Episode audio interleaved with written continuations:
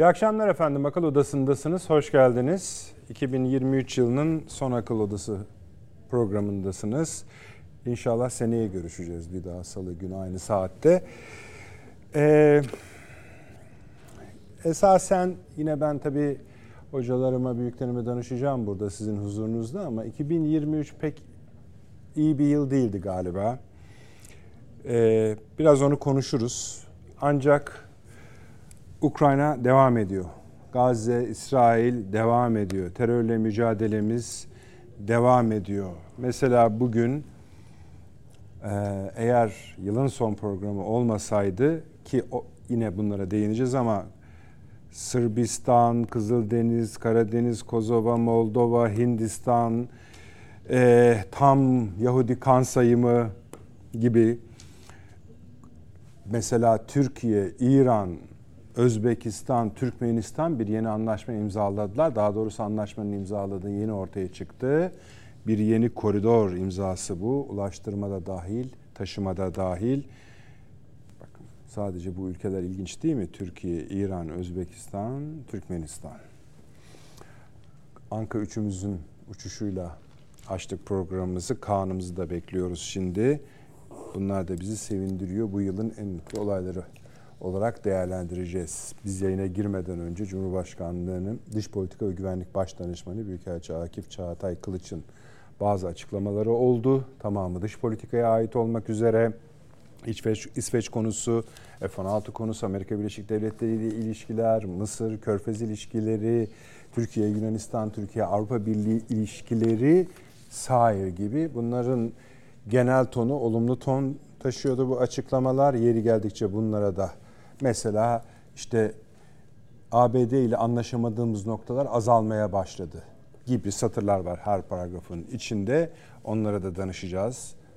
Ee, bu akşam konuşacağız. Bakalım azalıyor muyuz, çoğalıyor muyuz?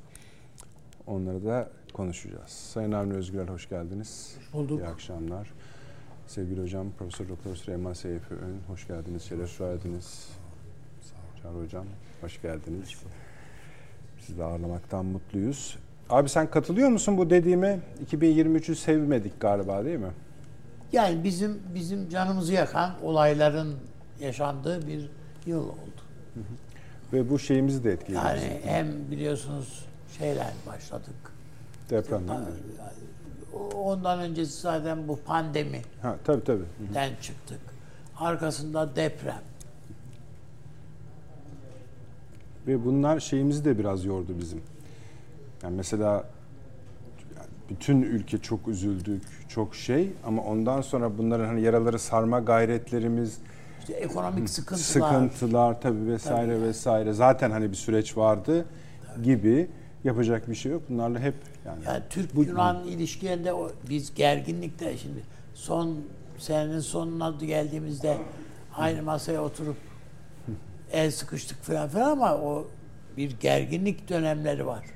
Türkiye'nin hem Türk-Yunan ilişkilerinde hem Avrupa ile ve tabi bol bol Amerika ile esasında yani. İşte bakacağız Gerginlikten bol bir şey yok.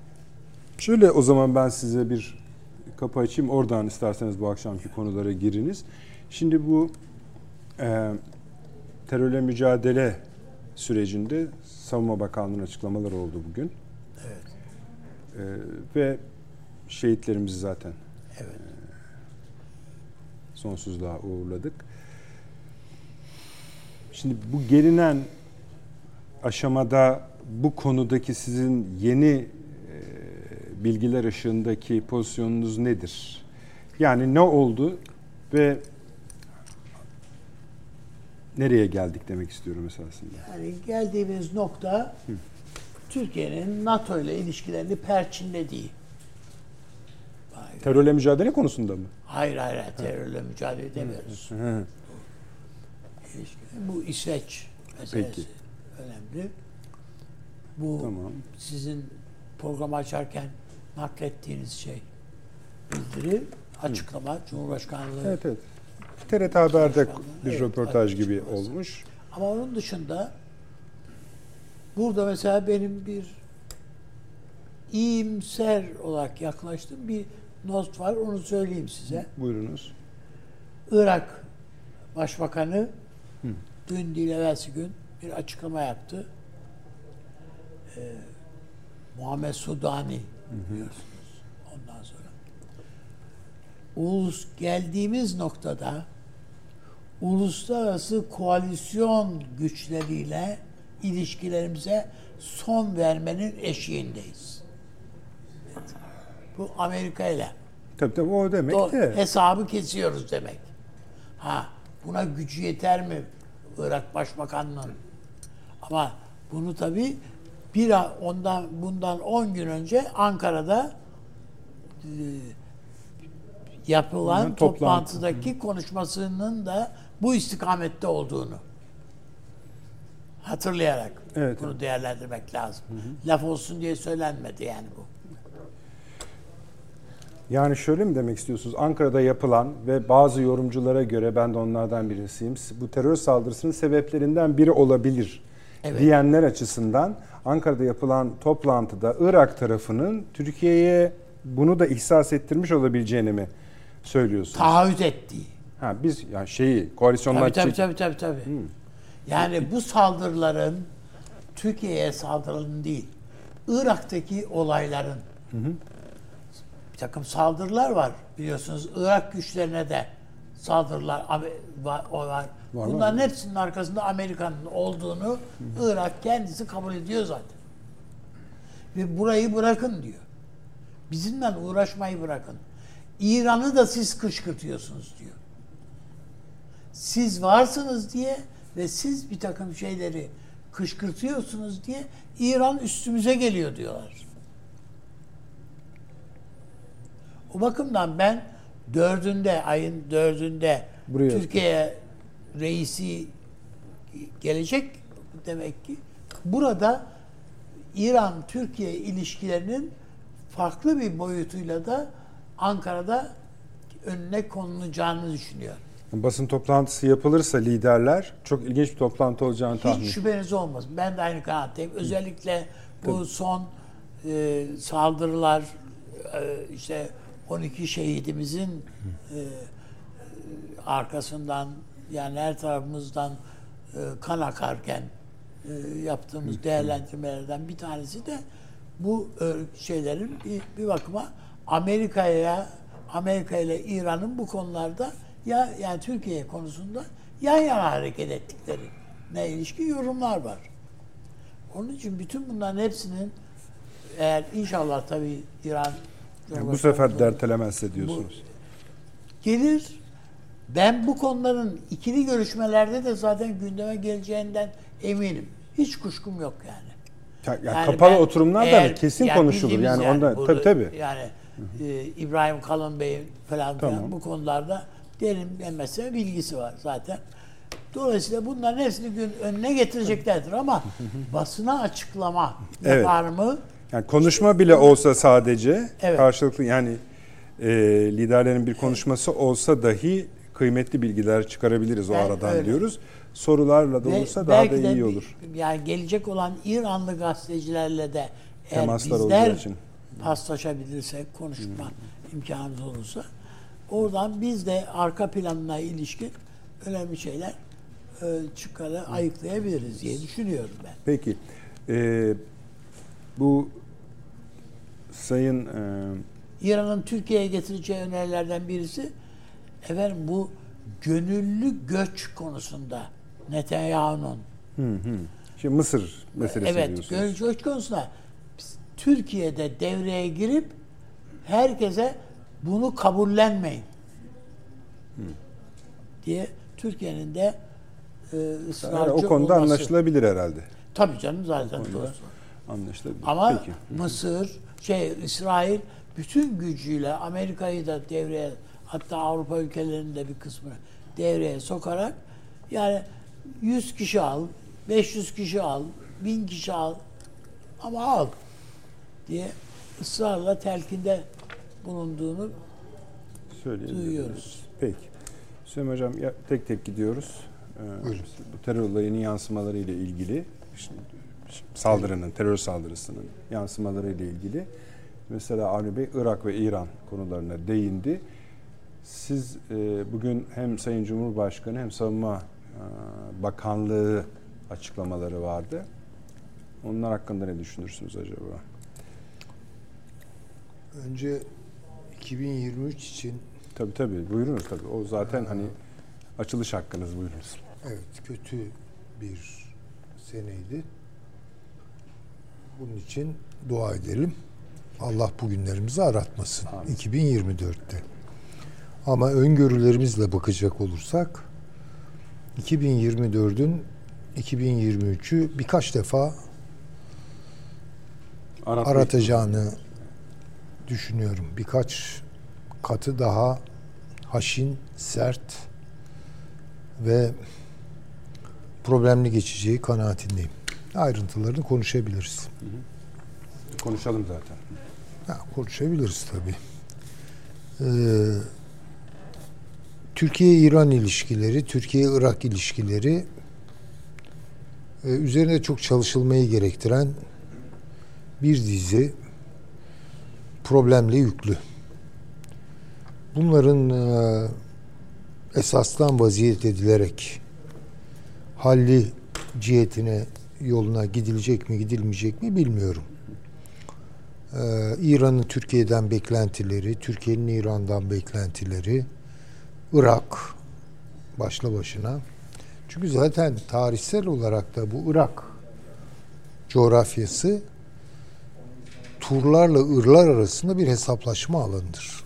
Yani Irak diye bir şey varsa en azından bir bin senedir Ir-Tur yani Türklerle Farslar arasında bir rekabetin alanıdır. Yani bir de tarihten gelen böyle bir düğüm var.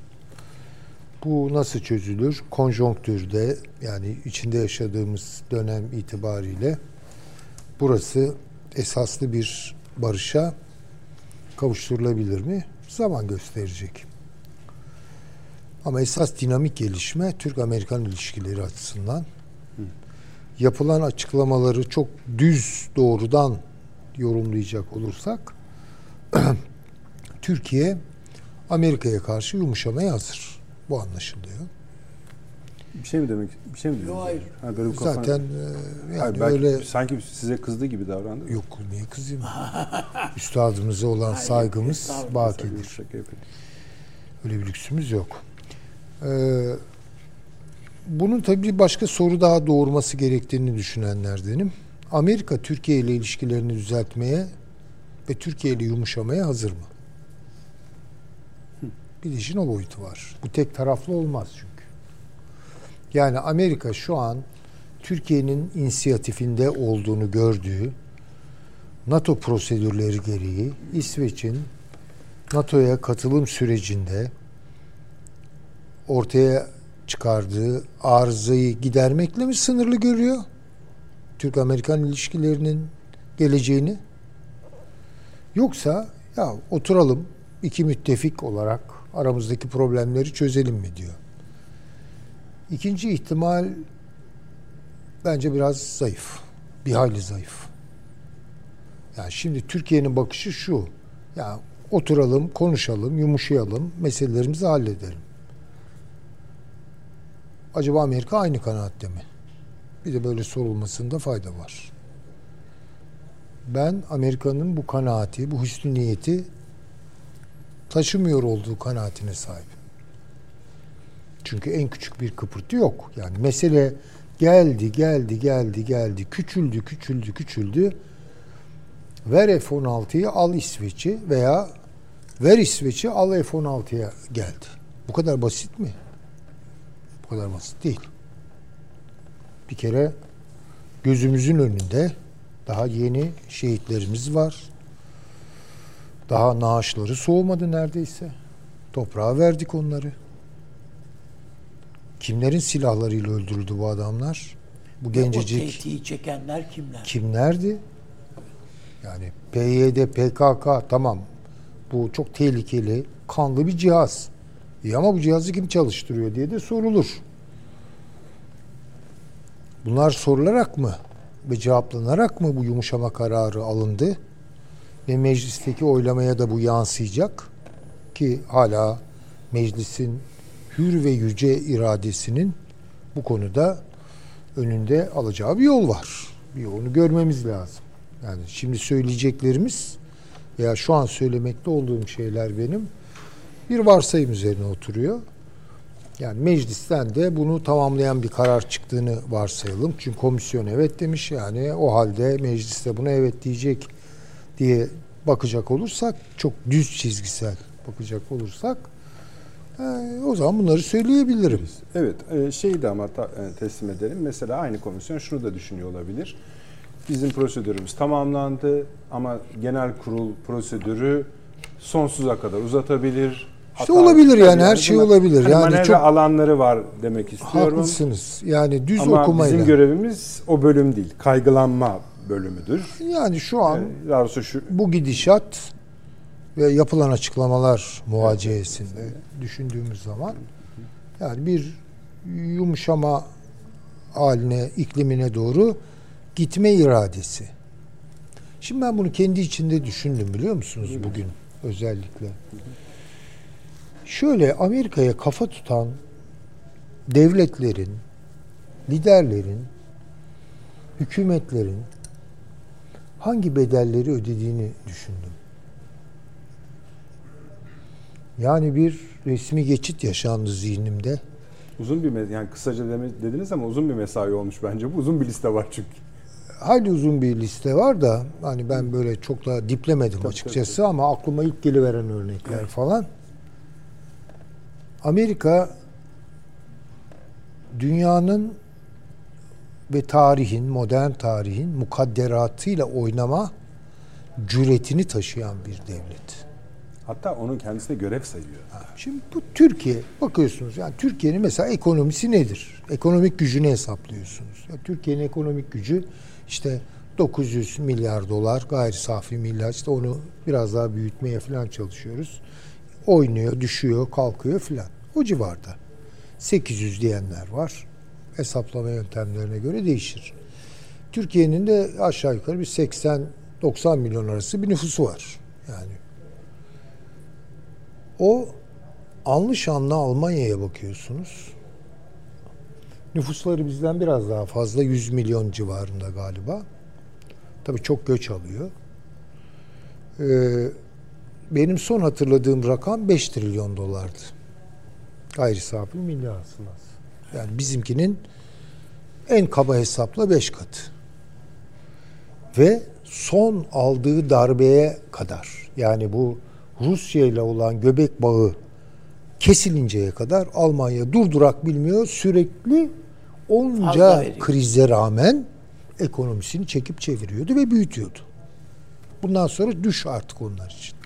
Bu bir olsa olsa hayal olacak. Merkel'in emekliliğini geçirdiği o küçük dairesinde bir gününü nasıl geçirdiğini ayrıca merak ediyorum. Schröder'in de neler düşündüğünü çok merak ediyorum. Nasıl oldu bu? Bir anda. Düşünebiliyor musunuz? Bir anda.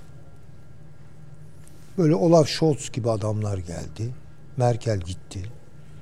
Böyle işte yeşiller, meşiller. Berboklar. Evet bunlar. Bunun bir tek açıklaması var. O da şu. Kovboy elini silahına götürdü. Değiştirdi. Çekmedi. Yani Çekti, çekmedi. gerek- gerek- Yani şöyle ceketi kaldırdı. Ha, ceketi şöyle bir kaldırdı, yetti o. Çünkü buna direnenin her kim olursa olsun bu başına gelecekler çok aşikar. Almanya bunu göğüsleyemedi. Açık. Bu Almanya. Şimdi bakıyorsunuz dünyada böyle bir kampanya işte Gazze meselesi, İsrail, şu bu. Herkes yani daha doğrusu fırsatçı devletler ve hükümetler hemen Amerika'nın yanında kümelenmek için yarışırlar yani böyle hemen. Tabii tabii olur mu işte Rusya, Putin, namussuz, e, despot falan. Ha biz tabii hür dünya falan aynı söylem. Türkiye direndi. Bakın Türkiye hanidir direniyor. Türkiye bu PKK işinin Türkiye'nin ulusal birliğine dayatılmış ve her gün biraz daha ete işleyen, kemiği zorlayan bir kamu olduğunu farkına vardığı andan itibaren yavaş yavaş yavaş yavaş Amerika'ya karşı bir duruş sergilemesi gerektiğini bazen pratikten bazen kurgulayarak ortaya koydu. Yani şimdi gözü kapalı NATO çevrelerine soralım. NATO'nun aykırı devleti kimdir? Pat. Hiç Türkiye. Türkiye. Ya bu şey gibi Avrupa Birliği'nin aykırı işte Macaristan nasıl hemen akla geliyorsa Türkiye akla geliyor. Şimdi bu ne kadar sürdürülebilir bir şeydir? Şimdi ben şimdi şahsi düşüncemi zaten bu daha önceki programlarda da söyledim. İşin bu tarafa gelmesi, bu noktaya gelmesi, F-16 İsveç denkleminin kurulması başlı başına zaten adamların ne kadar bizi hala yönetebildiklerini gösteriyor. Ankara'da karar alıcıların yerinde olmak ne demektir? Biz şimdi böyle uzaktan çok güzel entelektüel gazeller atıyoruz da yani orada bulunmak ve karar almak. Bir lider karar alırken veya bir hükümet karar alırken evet kamusal bazı hassasiyetleri öncelikli görür.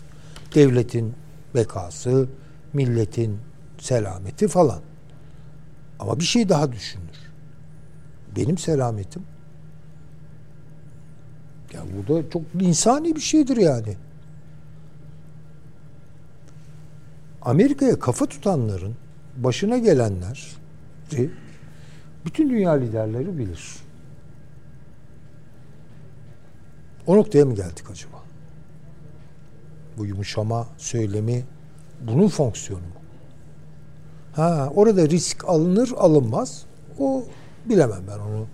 O siyasilerin kendi basiretine, ferasetine, cesaretine falan bağlıdır. Yani ben burada şablon ileri süremem. Anlarım yani. Ee, eğer bu senaryo gerçek olursa bir de şunun hesabını bence siyasi büyüklerimiz, liderlerimiz yapmalıdır. Peki burada bu yumuşama kararını devreye soktuk. Bu kısa vadede bizi rahatlatabilir. Yani işte F-16'ları alırız. O da onu da anlamak bir hayli zor benim açımdan. Çünkü ya madem müttefikiz benden niye esirgiyorsun bu F-16'ları? F-35'leri ben ben e, daha doğrusu F-35 programından beni niye çıkarttın? Bana niye hava, hava savunma sistemi vermedin de beni Rusya'ya mahkum ettin? Sorulacak başka sorular var. F-16'yı bize hibe etmiyorlar. Etmeyecekler. Bize çatır çatır parasıyla verecekler. Lütfedecekler yani. Çok dengeli bir denklem değil yani bu. Onu da görmek lazım. Antır parantez söylemiş olayım.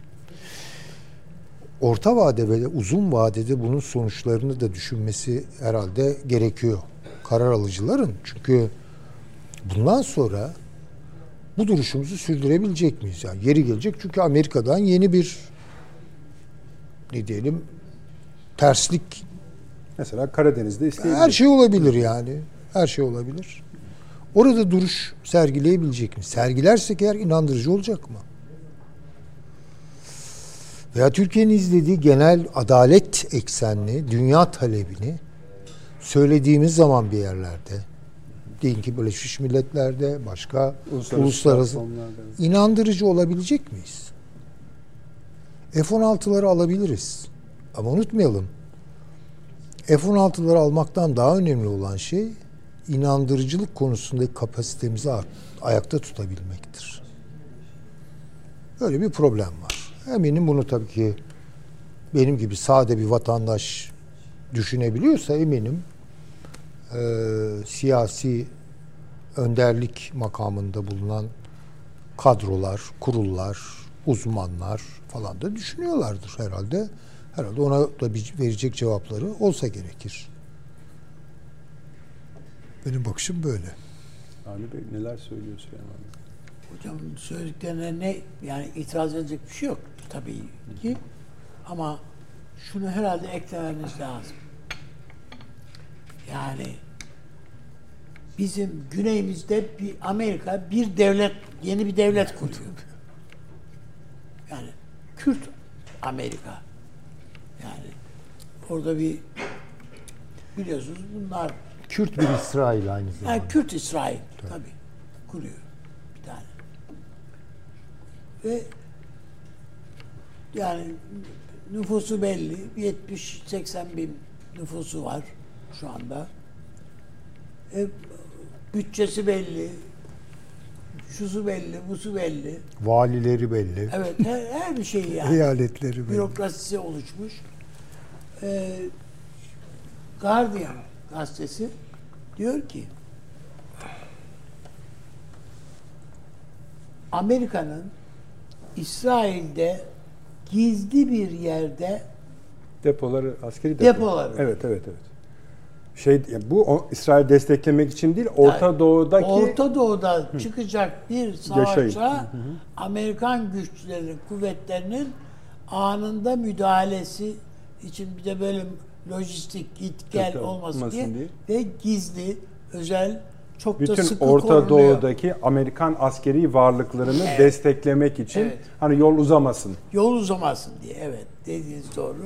Ve bunlar yani e, e, Orta Doğu'da Amerika ile savaşacak ha ne var? Kim var yani? Irak Amerika'ya savaş mı açacak? Suriye Amerika'ya savaş mı açacak? Böyle bir şey söz konusu bile değil. İsrail keza. Ama Orta Doğu'da Amerika ile kapışması muhtemel bir devlet var. O da Türkiye. Şöyle ya da böyle. Ha kapışır mı kapışmaz mı o ayrı mesele. Ne kadar yakın ihtimal ne kadar şey onu bilemem. Ama bu bana sanki bizde her şey var kardeşim. Her şeyi hazırladık. Üstüne öyle çullanırız ki sen neye uğradığını şaşırırsın. Yani. Demek için bunları da Guardian falan gibi gazetelere bunları da yazdırıyorlar yani. Ha. Biz her şeye hazırız ha diye. Nitekim bizim uçak gitti, insansız uçağımız gitti, vurdular. Ya. Adam dedi ki hiç yanlış yerdesiniz dedi. Bir daha doğru yerlerdekiz. O kadar yani. Dolayısıyla bu ben Amerika'nın Türkiye konusunda gözünü kararttığı kanaatindeyim. Bravo. Bravo. Yani umurunda değil yani Türkiye'nin yapacağı, vereceği tepkiler, şunlar bunlar. F-16'ların filan da biz işte nasıl verirse verir mi? Onu bilemem yani. Ama o mutlaka bunu verirken o uçağı kilitlemenin bir yolunu da bulmuştur yani. Bunların her şeyleri ellerinin altında çünkü nihayetinde. Biz nasıl bir şeyleri yaparken onun şifrelerini elimizin altında tutuyorsak onlar da aptal değil yani onlar da bir şeyleri ellerinin altında tutuyorlardır. Ama ben bu kadar hazırlıktan sonra Amerika'nın bu PKK devletinden vazgeçeceğini, bu İsra küçük İsrail'den vazgeçeceğine kesinlikle ihtimal vermiyorum. Bravo.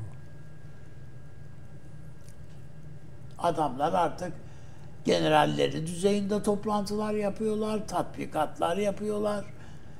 Ee, Yani bize böyle nanik yapar gibi zaten çocuklarımız öldükten sonra onları öldürdükten sonra bir de taziye telgrafı çekiyorlar falan yani hakikaten alay eder gibi yani. Küfreder gibi canım. Evet yani bunlara bakmak lazım.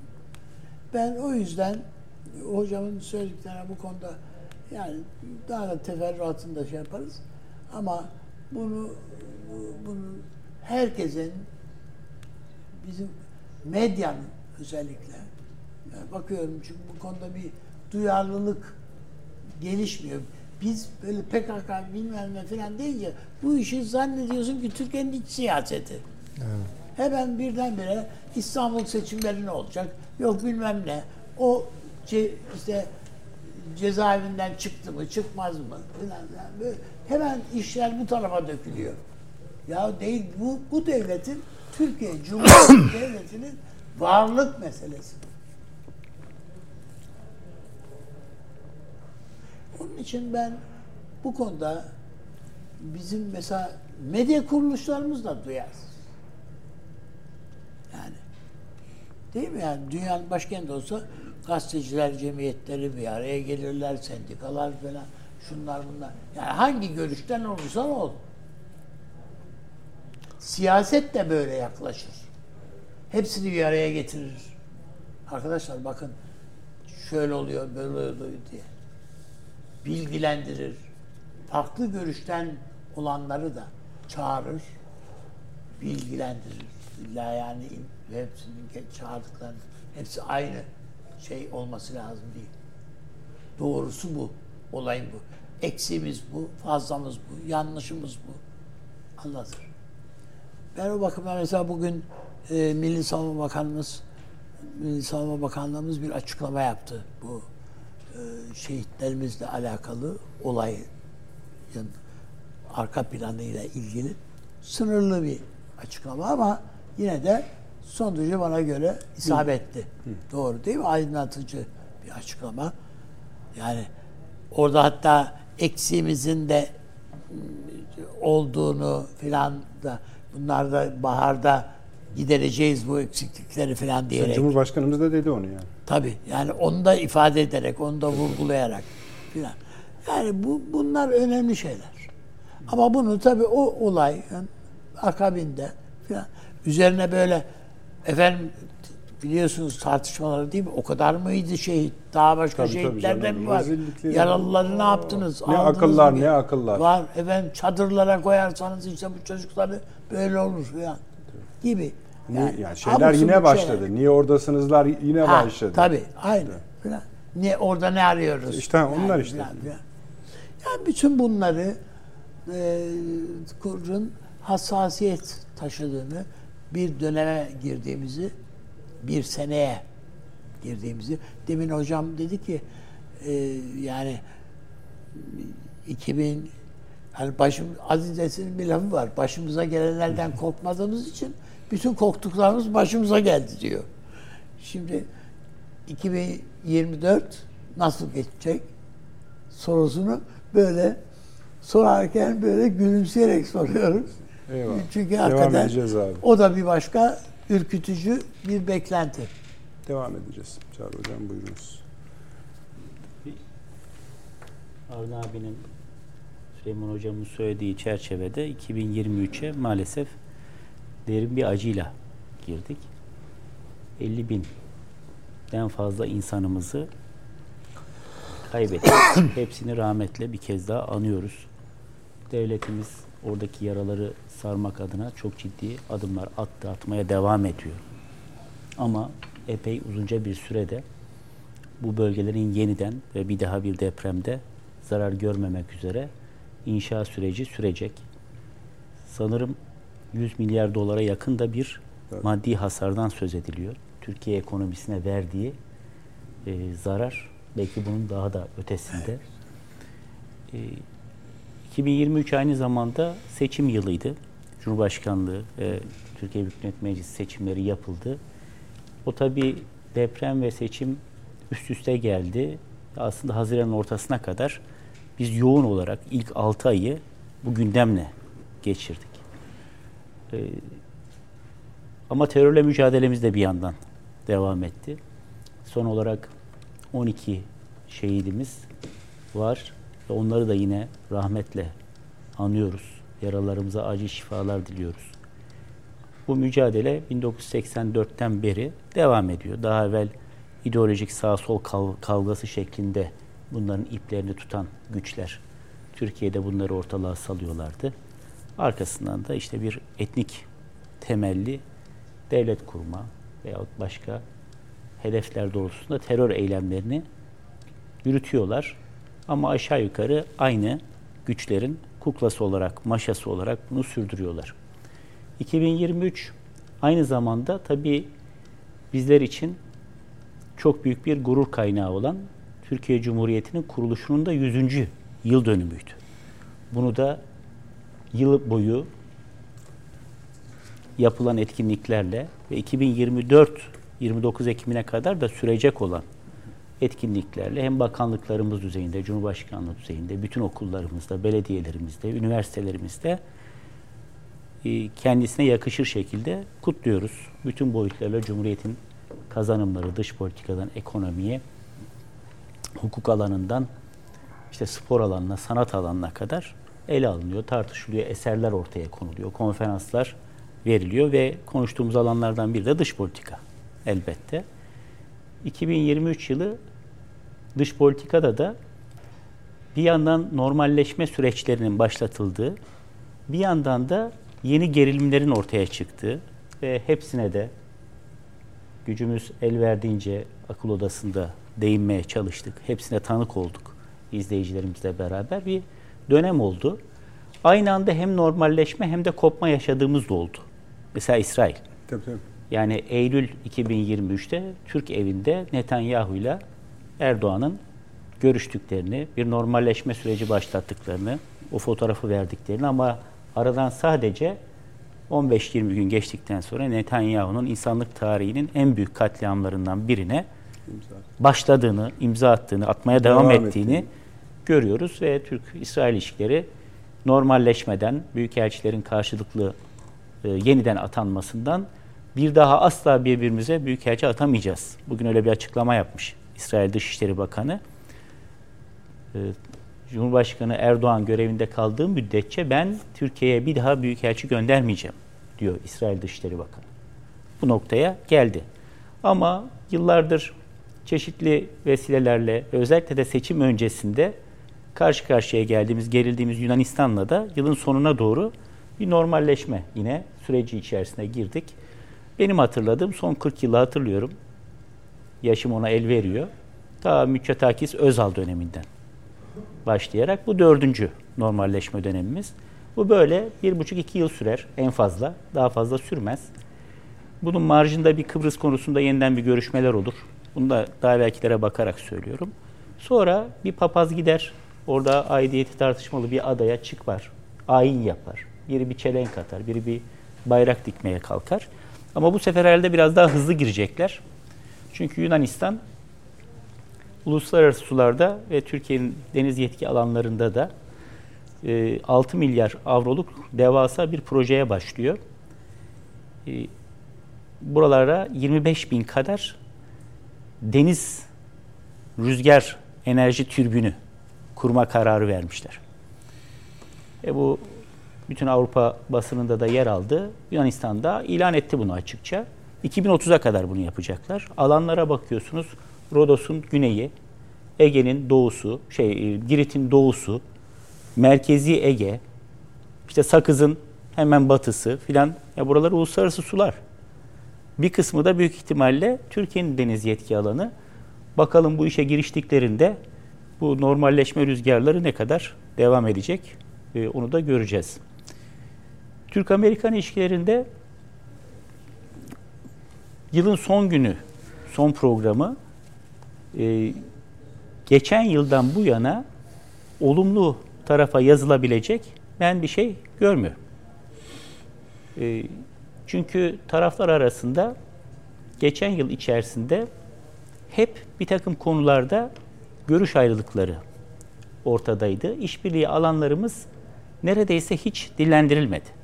En temel görüş ayrılıklarımız hatta işte bir silahlı insansız hava aracımızın düşürülmesine de e, yol açan Suriye'nin kuzeyindeki PKK'nın Suriye uzantısının ABD tarafından desteklenmesi ve onların adeta bir düzenli orduya dönüştürülmesi süreci. Kimin düzenli ordusu olur? Devletlerin düzenli ordusu olur. Dolayısıyla bir sonraki merhalede Avin abinin işaret ettiği, ettiği gibi aşağı yukarı 100 yıldır ABD'nin, aşağı yukarı da 60 yıldır geçen hafta bahsettiğiniz belgede de ifade edildiği üzere İsrail'in gayesi olan burada bir bağımsız devlet kurma arzusu. İkinci gerilim noktamız e, İsveç'in NATO üyeliği hususu. Burada yılın son ayları içerisinde söz konusu anlaşmanın meclis gündemine gelmesi, sevk edilmesi Cumhurbaşkanlığı tarafından ABD tarafından olumlu bir durum olarak değerlendirilmekle beraber e, henüz bir neticenin çıkmamış oluşu da eleştiriliyor. Ve 75. yılı vesilesiyle NATO'nun Washington'da yapılacak olan zirvede İsveç'i üye olarak görmek istediklerini net ifade ettiler. Ha bu gerçekleşir mi, gerçekleşmez mi? Bu tamamen bundan sonra, madem Dışişler Komisyonu'ndan da geçti, Türkiye Büyük Millet Meclisi'nin genel kurulunun iradesine bağlı. Genel kurulda milletvekilleri bu konuda kararı verecekler. Kabul ya da red yönünde ve göreceğiz. Fakat F-16 meselesinin buna bağlantılandırılması Türk-Amerikan işleri... F-16'ları virgül yapın isterseniz şu sebepten. Ben şunu sorayım yani size. Sizin gördüğünüz eğilim nedir? Çünkü konuştuğumuz esasında biraz o. Yani e kitabın bir... ortasından konuşayım. Grup Buyurun. kararı alınmazsa iktidar partisi milletvekillerinin büyük çoğunluğunun buna hayır diyeceğini düşünüyorum. Yani bir Evet biraz ortası oldu. Bilim adamı olarak gözlemim bu. Ben de olsam ben de hayır derim ayrı. Tabii tabii. Ama sonuçta siyasal partilerin Batı Avrupa demokrasilerinde bir parti disiplin diye bir husus vardır. Alınır, resmi alınır, gayri resmi alınır onu bilmem. Ama kamuoyunun da herhalde bu konudaki hassasiyeti ortada. Yani son 3 haftadır Kur'an-ı Kerim yakmıyor oluşları İsveçleri birdenbire sütten çıkmış ak kaşık yapmadı. Veyahut PKK'ya verdikleri desteği unutturmadı. Ee, yani bu Türk askerine sıkılan kurşunun finansmanı nereden sağlanıyor? Uyuşturucudan, kaçakçılıktan, bir de işte bu tür ülkelerde toplanan haraçlardan. En kolay haraç topladıkları paravan şirket adı altında, vakıf dernek adı altında legal, legal görünümlü Doğru. faaliyet yürüttükleri ülkelerden biri burası. İsveç. Yani durup dururken Türkiye, İsveç girmesin şu terörle mücadeleyi yapmadığı sürece demedi. Ya da işte FETÖ örgütünün üyeleri hala oradalar benim bildiğim kadarıyla. O iki sene, geçen seneki Madrid zirvesinden sonra Türkiye'deki bütün gazetelerde yer alan isim listesinden kaçı iade edildi? Ben bilmiyorum. Edilmiş olsalar da herhalde bir mi? Bir. Ha, ama daha uzun bir liste vardı değil mi? Adi suçluydu ama orada. O, yani on doğrudan PKK suçlusu olduğunu bizim gazeteler bile yazmadılar. Dolayısıyla yani. bu Avrupa Birliği ülkelerinin çok sıklıkla bize hatırlattığı bir ilkeleri var. Çağrı Koşulluluk hocam. diyorlar buna. Hı? Yani koşulluluk. Bir şey yaparsan karşılığını alırsın. E yapmış mı? Peki niye o zaman? Şöyle mesela işte Sayın e, Büyükelçi Kılıç şöyle diyor. İsveç bazı kanunlarında değişiklik yaptı. Anayasalarında da değişiklik yaptılar. Bazı grupların hareket kabiliyetlerini azalttı. Madrid zirvesinin ardından İsveç ciddi adımlar attı. %100 hepsi gerçekleşti mi derseniz özellikle kanun değişikliklerinde adımlar aslında çok kolay değil. Ümit ediyoruz ki çok daha fazla değişim söz konusu olacak. Farklı kurumlarımız yüksek bilgi alışverişi içinde İsveç bu noktada ciddi adımlar attı. Onları cesaretlendirmeye devam ediyoruz. E, Meclis Komisyonu'nda da kanun tasarısı geçti ve son söz genel kurulda diye konuştuğumuz Şimdi, konuyu bağlıyor. Değerli Nedret Bey, ben bu konuşmayı dinleyince bundan 3 ay evvel, 4 ay evvel yaptığım, 5 ay evvel yaptığım konuşmadan veyahut görüşlerimden geri adım atacak değilim. Aynı noktadayım. Biz bunlarla bir anlaşma yaptık. Anlaşmadaki hususları koyar bir kenara. Öbür tarafta da teker teker hangileri yerine gelmiş görürüz. Aa yüzde 85'ini 90'ını yaptı bunlar. Eyvallah. Ya öbürlerinde yapacaklar inşallah. Ben öyle bir şey görmüyorum. Yani yuvarlak ifadelerle bazı yasalarını değiştirdiler. Hangi yasanın neresini değiştirdi ve bu bizim terörle mücadelemize nasıl artı katkı sağladı? Bunu bir göreyim. Liste verdik ya. Kaçını iade etti diyorum Avni abi böyle yapıyor. O yüzden yani biz bu hayırı derken Finlandiya'ya ve İsveç'e net ifade edildi. Sayın Cumhurbaşkanımızın ağzında. Bakanlarımızın ağzından. Biz bunları bunları bunları istiyoruz. İsveç bunları yaptığı için biz hayır diyoruz. Şimdi İsveç bu taahhütlerini yerine getirdi mi getirmedi mi? Bu cümleyi çok net hatırlıyorum. Bu taahhütlerini yerine getirdikleri takdirde alınacaklar. Taahhütlerini yerine getirdiği konusunda ben ikna olmadım. Bireysel olarak. Benim bir reyim yok, bir şeyim yok mecliste. Ben olmadım ama ikna. Ama diğer taraftan da işte hikmeti hükümet kısmını Avni abi vurguladı. ya başka bizim bilmediğimiz milli menfaatler çerçevesinde bir takım şeyler vardır. O zaman da kamuoyuna bir şekilde kalkılır bu izah edilir. Bu şekilde değil ama. Evet. Bir şekilde izah edilir. Ondan sonra da bu karar verilir. Bir de bununla ilgili çok özür dilerim. Şöyle bir şey de var. Ee, bu İsveç'te karar alma süreçleri çok tuhaf bir e, yapılanma gösteriyor. Yani mesela İsveç'te merkezi hükümet mi çok güçlüdür yoksa yerel idareler mi? Garip bir tablo var. Belediyelerin muazzam inisiyatifleri var. Doğru. Ve merkezi idare oraya hükmedemiyor yani belli açılardan. Yani bu PKK orada tamamen belediyelerin şemsiyesi altına girmiş. Dolayısıyla bir yasa çıkmış. Şuymuş buymuş. Diyecekler ki ama biz işte merkezi hükümetin gidebildiği yere kadar bu yerel idarelere biz karışamıyoruz çünkü biz çok demokratikiz ya falan diyecekler. Bakın bütün bunlar hazırlandı yani. Onu söyleyeyim. Çağrı Hocam. Tamamsa. Ee, F-16 meselesiyle ilgili konuşacak virgül- mıyız? Tabii buyurun devam edelim. Ne kadar vaktim var reklama kadar? Var zamanınız. Tamam. Şimdi Amerika bir ülkeye niye silah verir? Niye askeri yardım yapar? Bunun üzerine yazılmış yüzlerce makale var. Ben de epey bir kısmını okudum. Bu işlere de kafa yordum. Makaleler yazdım, kitaplar yazdım. Tespit ettiğim çok yazılabilir ama beş tane asıl sebep var. Çok süratli geçeceğim. Bir, müttefik ülkelerin silahlı kuvvetleri güçlensin diye. Bilhassa işte soğuk harp zamanı, soğuk savaş zamanı. Yahut bugün O dönem biraz geçtik gibi. Çin'i Çin'in çevrelerken Tabii. Güney Kore, Japonya gibi değil mi? müttefik ülkelerin ya da Avustralya, Yeni Zelanda gibi ülkelerin silahlı kuvvetleri kuvvetlensin.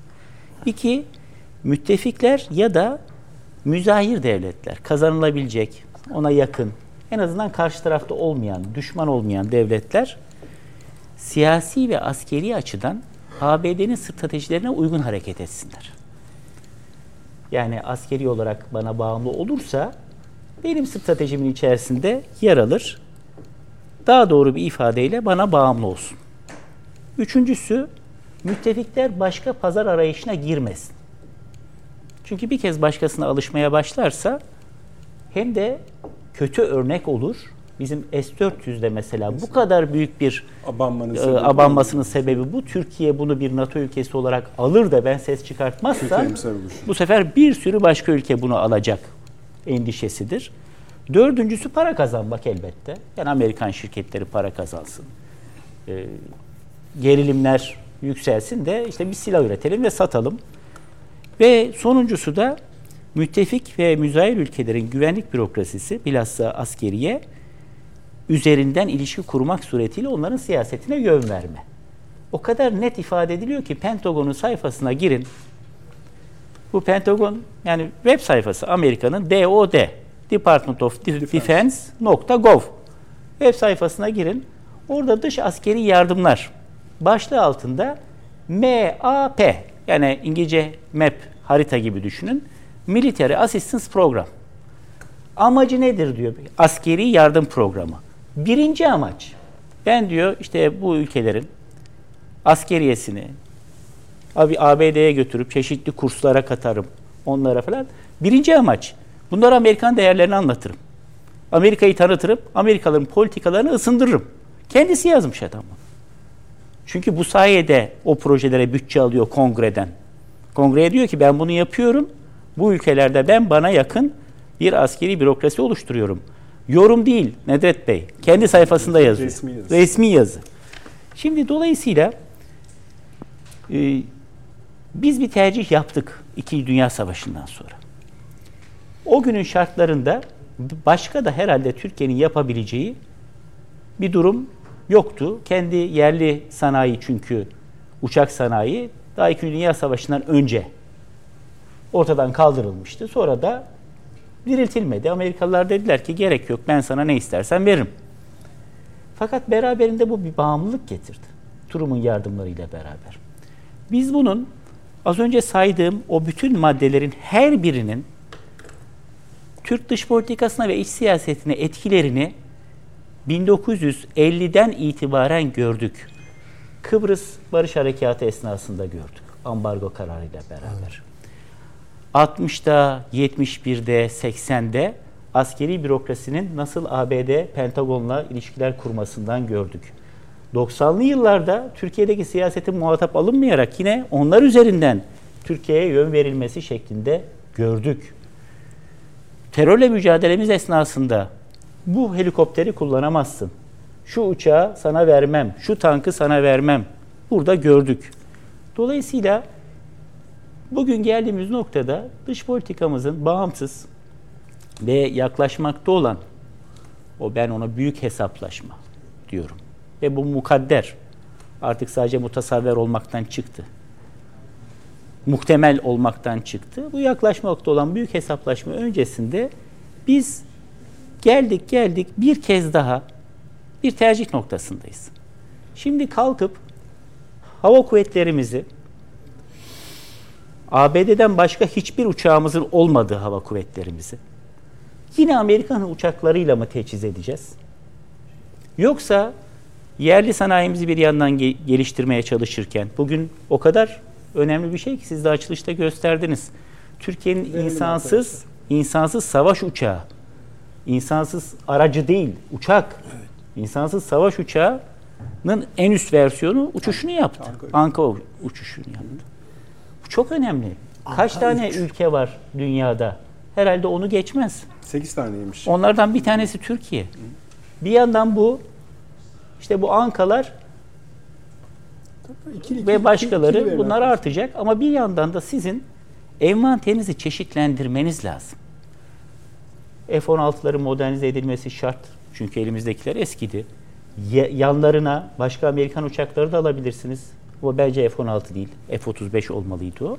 Ama mutlaka bunu yaparken envantere başka uçaklar da koymalısınız. Bakın burada bir şey daha söyleyeyim. Sonra siz Sözünü devam edin. için size şey için söyleyecektim. Ben bir, az önce şöyle hızlıca baktım. Maalesef tek tek bakma imkanım olmadı bütün ülkelere. Ama İngiltere, Fransa, Almanya ve Yunanistan Hava Kuvvetleri.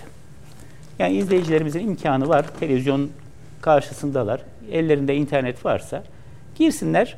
İspanya'ya, İtalya'da baksınlar. Bunların hava kuvvetlerindeki uçakların menşei neresi diye baktım. Bunlar NATO üyesi hepsi. Ve NATO'nun önde gelen ülkeleri bir tanesi de Yunanistan bizim komşumuz. Ve NATO neredeyse kaderimiz beraber örülmüş Yunanistan'la.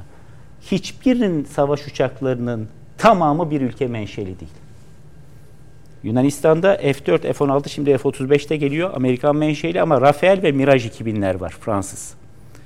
Almanya Eurofighter, Typhoon ve Tornado İngiliz. İngiltere Typhoon, F-35, FGR. Fransa Rafael Mirage. O milli kendi uçağı. Şimdi herhalde böyle Romanya, Bulgaristan falandır sadece ve sadece Amerikan uçağına dayanan. Biz NATO'nun en önemli ülkelerinden biriyiz. Çok güçlü bir hava kuvvetimiz var. Ama niye hala sadece bir uçakta, bir ülkenin uçağında ısrar ediyoruz? Ha bunu çeşitlendirmemiz gerekiyor. Bu karar yanında bizim mutlaka işte Avrupa'dan da, Avrupa dışı ülkelerden de ama en büyük ağırlığı da yerli teknolojimize vermemiz lazım. Bir zaman alacak. Ama bir yerden başlamak lazımdı. Herhalde çok hızlı adımlarla da ilerliyoruz. Yani daha evvel 30-40 senede gelebileceğimiz noktaya biraz bu kötü komşu mal sahibi yapar atasözünde doğrularcasına daha hızlı geliyoruz. E, çünkü bu bağımlılık az önce saydığım hadiselerin tamamını doğ- doğuruyor. Siz bu Amerikan uçaklarının yanına başka ülke uçaklarını koymazsanız, kendi milli uçaklarınızı koymazsanız yarın bunun yedek parçasını vermek için de şarta bağlayacak. Bugün İsveç'e alın diyor. Yarın Suriye'den çıkın diyecek. Irak'a harekat yapmayın diyecek. Kıbrıs'a yapmayın dediği gibi. Onu böyle yapın, bunu böyle yapın diyecek. Ve ben her seferinde kongrede Türkiye'nin yerini göstermekten aciz bir takım Amerikan milletvekillerini ikna etmek zorunda mıyım ya? Bunların affedersiniz Türkiye hakkındaki o sözlerine muhatap olmak zorunda mıyım? Ve bu lobi faaliyetleri öyle hale dönüştü ki yine Amerika'yı besler hale geldi. Yani sürekli orada bir takım ve bunun da Türkiye'de yani Amerika'da lobi yapalım lobicileri oluştu. İnanılmaz bir şey. Bakın ticaret yapanlar çok iyi bilirler. Siz eğer tedarik kanallarınızı çeşitlendirirseniz ana tedarikçiniz size biraz daha dikkatli davranır. Sizi kaybetmek istemez o. Fiyatı düşürür, daha kaliteli ürün size sunar. Çünkü şunu bilir. Diğer rakipler pazara girdiği andan itibaren bir daha asla o yüzde yüz elde edemeyecektir o. Amerika'nın öyle bir tavrı var ki böyle de davranmıyor. Yani Türkiye defalarca hem Savunma Bakanı'nın ağzından hem Cumhurbaşkanımızın ağzından Türkiye'nin alternatifleri var sözünü dile getirdi. Alırsan al, almazsan alma yaklaşımı içerisinde. Hatta İsveç'i almadan da olmaz. NATO'yu alacaksın ondan sonra. E garantisi var mı? Yani Biden söz verdi. Senato'da hemen hazır ola geçip ya bir defa ABD yasama organının Türkiye ile ilişkilerinde çok önemli 3-4 tane husus var. Bu 3-4 hususu Sayıp ondan sonra reklama Peki. gidelim. Birincisi ve en önemlisi İsrail ile ilişkiler. Bugün saydım 38 tane Yahudi milletvekili var Amerikan Kongresi'nde. Bunlar zaten Yahudi olanlar. Ama bunun dışında da Onlardan Yahudi olanlar da var. tabii 400'e yakın da dostluk grubuna mensup olan insan var. Yani ikincisi Rusya ile ilişkilerini gevşeteceksin diyor. Kassa yaptırımları bilmem ve bu çerçevede F-400'ü, S-400'ü kesinlikle operasyonel hale getirmeyeceksin. Başka ne diyor? Yunanistan'da sorunlarını dondur. Ha bunu biraz hallettik. Rum lobisinin talebi buydu. Bir de en önemlisi Suriye'de benimle didişme. İran'la da fazla yaklaşma.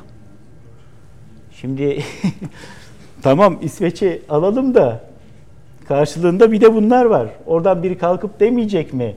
E tamam İsveç'i aldı ama İsrail'e de saldıran Hamas'a terörist demiyor bunlar. Ben nasıl Hamas'ı terörist saymayan ülkeye veririz bunu? Veririm derse bir senatör. Arkasından emin olun o senatörün 50 kişi gelir. O yüzden bu iş öyle otomatik olmuyor. Hatta kongrede yürüme süreçleri yani e, prosedürlerinde de fa- yani zamanlamayı tutturma zorlukları yaşayabiliriz. Şimdi bizim işlememiz başka, onların Nedret Bey bu başka. sene onlar da seçim yılı. İşte yani Kimse onu Musevi lobisini Kamuda kızdırabilecek bir adım atmaz hiçbir milletvekili Amerika'da. Başkan da atmaz. Güzel. Oradan devam edeceğiz efendim. Kısa bir reklamı söyleyeyim süreyi size. Yak.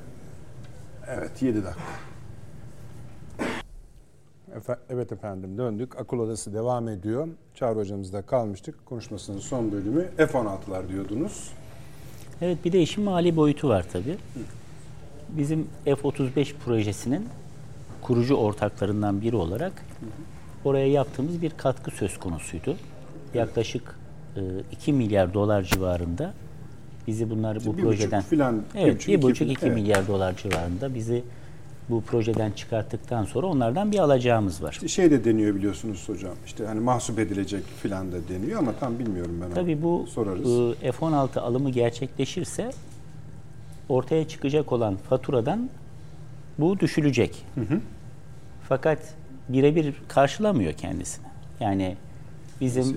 ilk planda bir 6 milyar dolar civarında bu alım için bir ödeme yapılacak. Demek ki zaten üste para vereceğiz ama esas itibariyle 10 yıllık bir dönemde bunun eğitimleri, yedek parçası, işte bakımı, şu su bu su filan dediğiniz zaman bu başlangıçta hesap ettiğinizin çok üzerinde bir bütçe Yani- rakam ortaya çıkıyor. 10 milyarın çok üzerine çıkar. Öyle gözüküyor. Dolardan bahsediyorum. Dolardan bahsediyorum. Şimdi bir tarihsel örnek verirsek ne demek istediğim daha iyi anlaşılacaktır. Arkadaşlar bunu KJ'ye alalım. Ru, Ru, Truman doktrini çerçevesinde 1947'den sonra Türkiye'ye ve Yunanistan'a eş zamanlı olarak ABD silah yardımında bulundu. O zamanın şartlarında Yunanistan'da bir iç savaş vardı. Komünistlerle Amerikan yanlıları savaşıyorlardı. İç savaş olduğu için Amerikan yanlıları kullansın diye 300 milyon dolarlık silah, Türkiye'ye de 100 milyon dolarlık silah yardımı yapıldı. Fakat 10 yıl sonra yani 1950'lerin sonuna doğru geldiğimizde o 100 milyon dolarlık Amerikan yardımı karşılığında aşağı yukarı 350 ila 400 milyon dolar civarında da Türkiye'nin kendi bütçesinden harcama yaptığı anlaşıldı. Evet, evet. Çünkü bu silahları aldığınız zaman mesela size hani CEMSE diye tabir edilir. GMC. GMC. Ama GMC diye Türkçeleşmiş askeri kamyon veriyor. Veyahut tank veriyor. Ya o kamyonun lastiğini üreten fabrikan yok senin. Dolayısıyla o lastiği de ABD'den alacaksın. Tank palet fabrikan yok. Palete bir şey oldu mu ABD'den alacaksın. Nitekim verilirken bunlar çeşitli sözleşmeler yapılıyor. Ee, ABD'nin izin verdiğinin dışında tamirat bile gerçekleştiremiyorsun. Yani hani yan sanayi diye bir tabir vardır ya. Bir araba almışsınızdır. Bir yan sanayi yani yerli üretim takarsınız oraya. Ee, yan sanayi koyamıyorsunuz. Yani açacaksınız. Zaman zaman tabii Türkiye şartlar zorladığı için o Kıbrıs harekatı falan sırasında ambargo zamanında en güzel yan sanayi de yaptı. Hatta lastik bulamıyorduk da o dönem değil mi Libya'dan o lastikler geldi takıldı uçaklarımıza.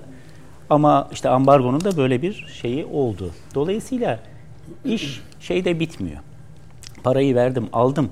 Artık bu bende. E bunun idamesi nasıl sürdürülecek? Hatırlarsanız bu Patriot tartışmalarında da benzeri bir husus söz konusu olmuştu. Sadece fiyatta anlaşmama falan değil. Teknoloji transferi konusunda.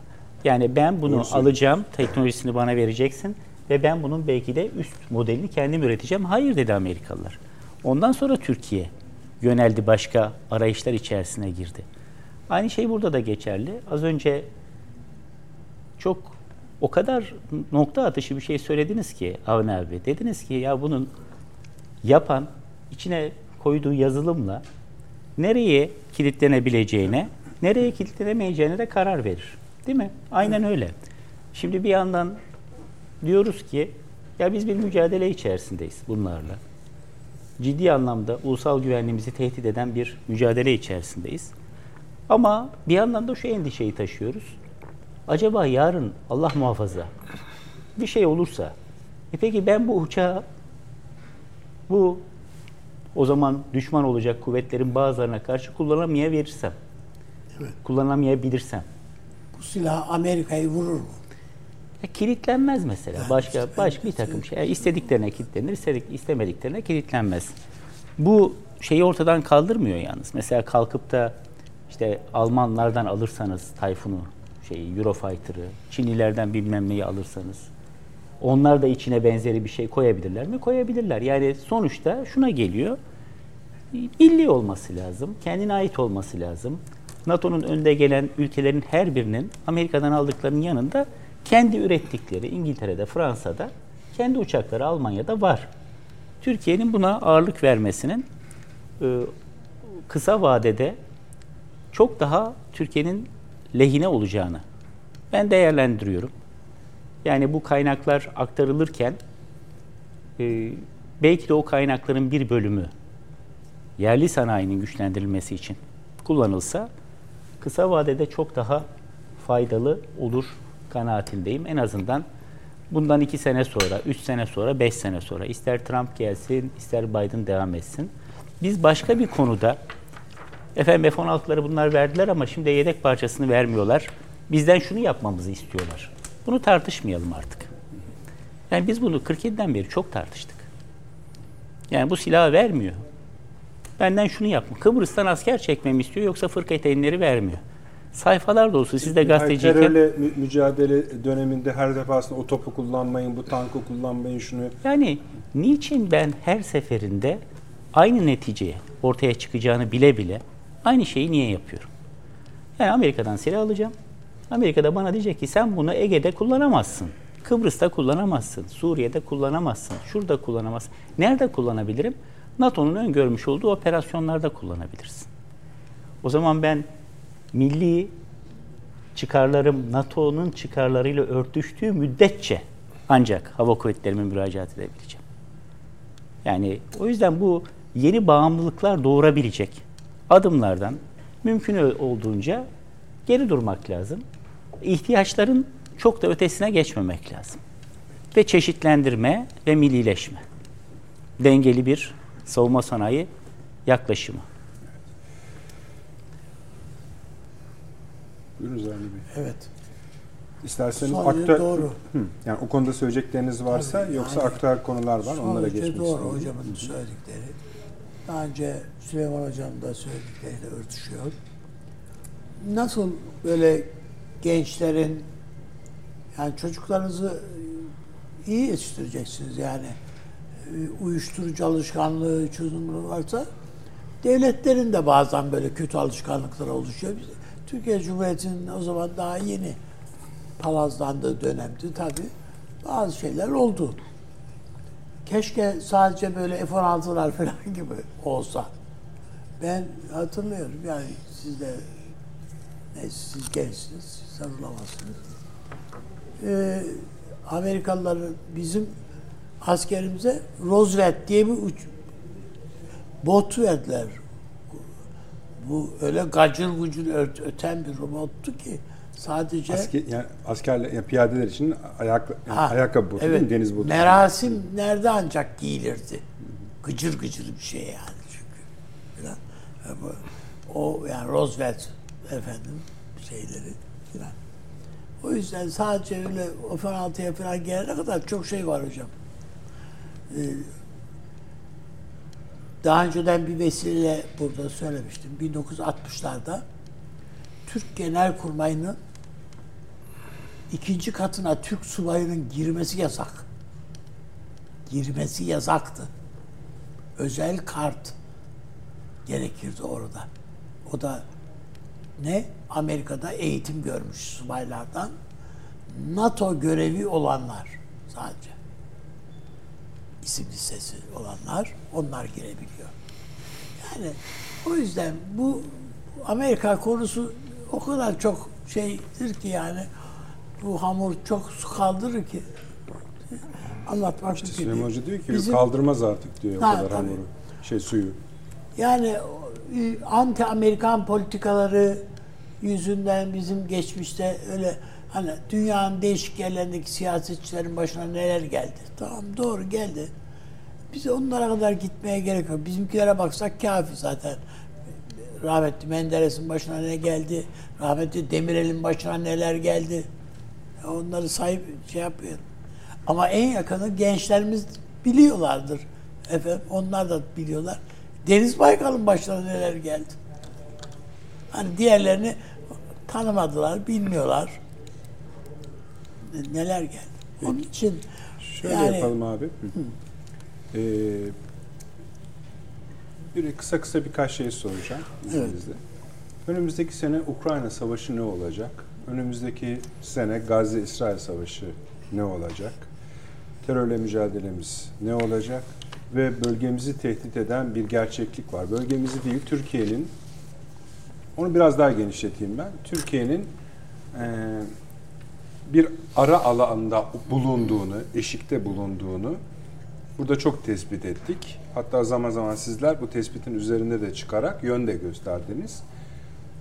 Önümüzdeki yıl Türkiye'nin stratejik jeopolitik tercihlerinde bir e, hal bekliyor musunuz? Öyle sorayım.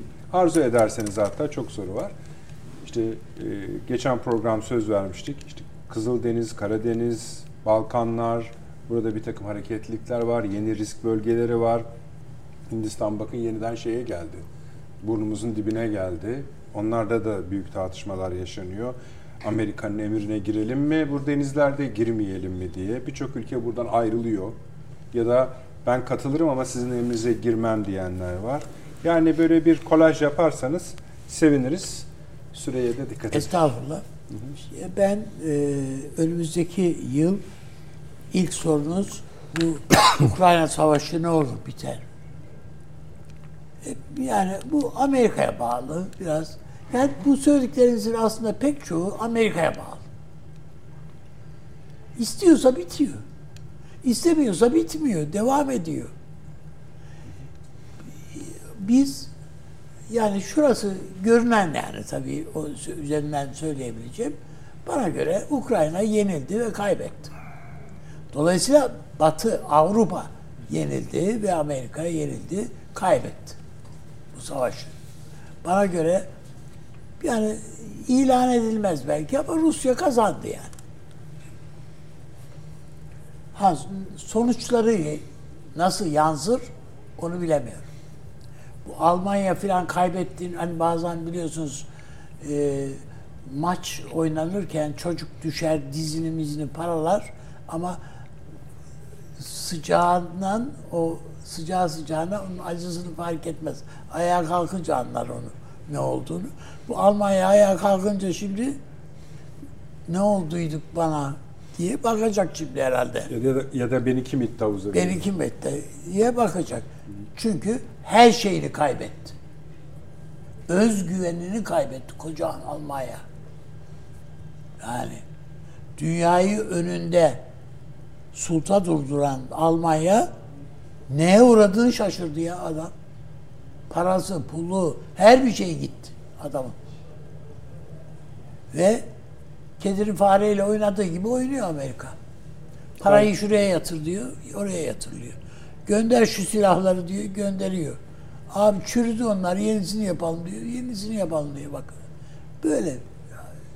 Ha, onlar öyle de, diğerleri işte Fransa'nın filan hali de çok öyle pırıltılı bir hal değil. Daha geçen programlarda biliyorsunuz e, Avrupa sağının durumunu Süleyman Hoca anlattı. Yani herkeste burada bir perişanlık var yani. Sapır sapır dökülüyorlar. E orada e bunların hepsinin patronu değil mi bu Amerika? Evet patron. Onun haline baktığımızda yani o öyle kolay molay işler değil. Onun için 2024 bizi de bizim için e, şey sıkıntılı bir şey olarak geliyor. Ama o dalga sadece bize değil, Amerika'ya da geliyor. Ama Amerika öksürürse biz daha kötü, biz zatür oluruz. Yani biz daha kötü, acısını bize yansıtıyor adam çünkü. Dertleri. İsrail Gazze. İsrail Gazze işinde tabi burada İsrail sonuç itibariyle ezeli kazanan zaten o diye bakıyorduk. Ama ben geçen programda söyledim. İsrail'in varlığı tartışılacak inşallah önümüzdeki dönem. Yani olması gereken bu çünkü. Bu kadar zulmeden bir devletin bununla ayakta durması mümkün değil yani bana göre. Yani ilahi adalete de aykırı. Peki Türkiye'nin terörle mücadelesi özellikle güney sınırlarımız? Ben bu konsept bu konuda Türkiye'nin aklını başına alıp yeniden ne oldu ve ne yapmalı? Hani bu hmm, Lenin'in bir şeyi var ya ne yapmalı projesi sorusu. Onu kendine sorup ne yapmalı demeli Türkiye. Sağcısı, solcusu, ilericisi, gericisi, İslamcısı, Türkçüsü hiç fark etmez. Üzerinde ittifak edeceğimiz bir proje, bir gelecek projemiz bizim mutlaka olmalı. Peki e, Türkiye Doğu, Türkiye Batı ilişkileri? Ben Türkiye'nin ilişkilerinin İran, Rusya ve e, o çerçevede Azerbaycan. Azerbaycan tabiatıyla hiç tartışmasız yani o. Peki yani, yani Batı ile ilişkileri? hatta diyelim. Yani gibi bu çerçevede Batı ile ilişkileri? Batı ile ilişkilerimiz bizim Balkanlarla ilişkilerimiz bizim için önemlidir. Yani bakın Sırbistan'ın ca- canı yanıyor. Kosova'nın canı yanıyor. Ee, Bulgaristan'ın canı yanıyor. Yani Türkiye buralara da buralara biraz bakmalı. Biraz değil bir hayli bakmalı. Nasıl Avrupa'da şeyde Orta Asya Türk Cumhuriyetleri ile ilgili bir şeyleri e, bir, takım anlaşmalar e, peşindeysek tıpkı Bağdat Paktı gibi e, yani bizim Balkan Paktı da projemiz de vardı geçmişte. Bunun gibi Avrupa'da e, kıtanın ortasında bizim işte Macaristan önümüzde yani. Yani Macaristan diyebiliriz, Sırbistan diyebiliriz. Sırbistan, Türkiye, acaba Sırbistan'da bir darbe teşebbüsü oldu da Yani adamı e, Türkiye mi iyi, iyi, acaba ikaz etti? Aman ha kendi ayağına sert ba- doğru Ruslar, bas. Ruslar galiba Ha, şey yapmış. Rusya Ruslar bak ama demek ki Türkiye'nin de imkanı olduğu anda e, Türkiye'de öyle bir darbeyi olsa haberdar tabii. eder yani. Eder, eder hatta İlişkilerimiz zaten bozmak ona- mümkün olsa bozabilir. Bozulabilir tabii. Evet, Yani peki. Sırbistan'la ilişkilerimiz ona müsait. O bakımdan Türkiye'nin ben bu Balkan Paktı'nı tabii onlar da e, Çağrı Hoca falan daha yani mutlaka daha söyleyecekleri şeyler olabilir. Ama ben olması gerektiği kanaatindeyim. Bunları eğer o örgütleyebilirsek, kurabilirsek çünkü ama tabii buna ilişki, buna çok iyi bizim harcayıcılarımız falan da buraya şey yapılabilirse tabii. Yani Peki. yani büyük elçilerimizin kimler olabileceğini falan neler olabileceğini Teşekkür ederim. olduğunu biliyoruz. Sağ olasın. Evet. Süleyman Hocam, Ukrayna ile başlayabilirsiniz.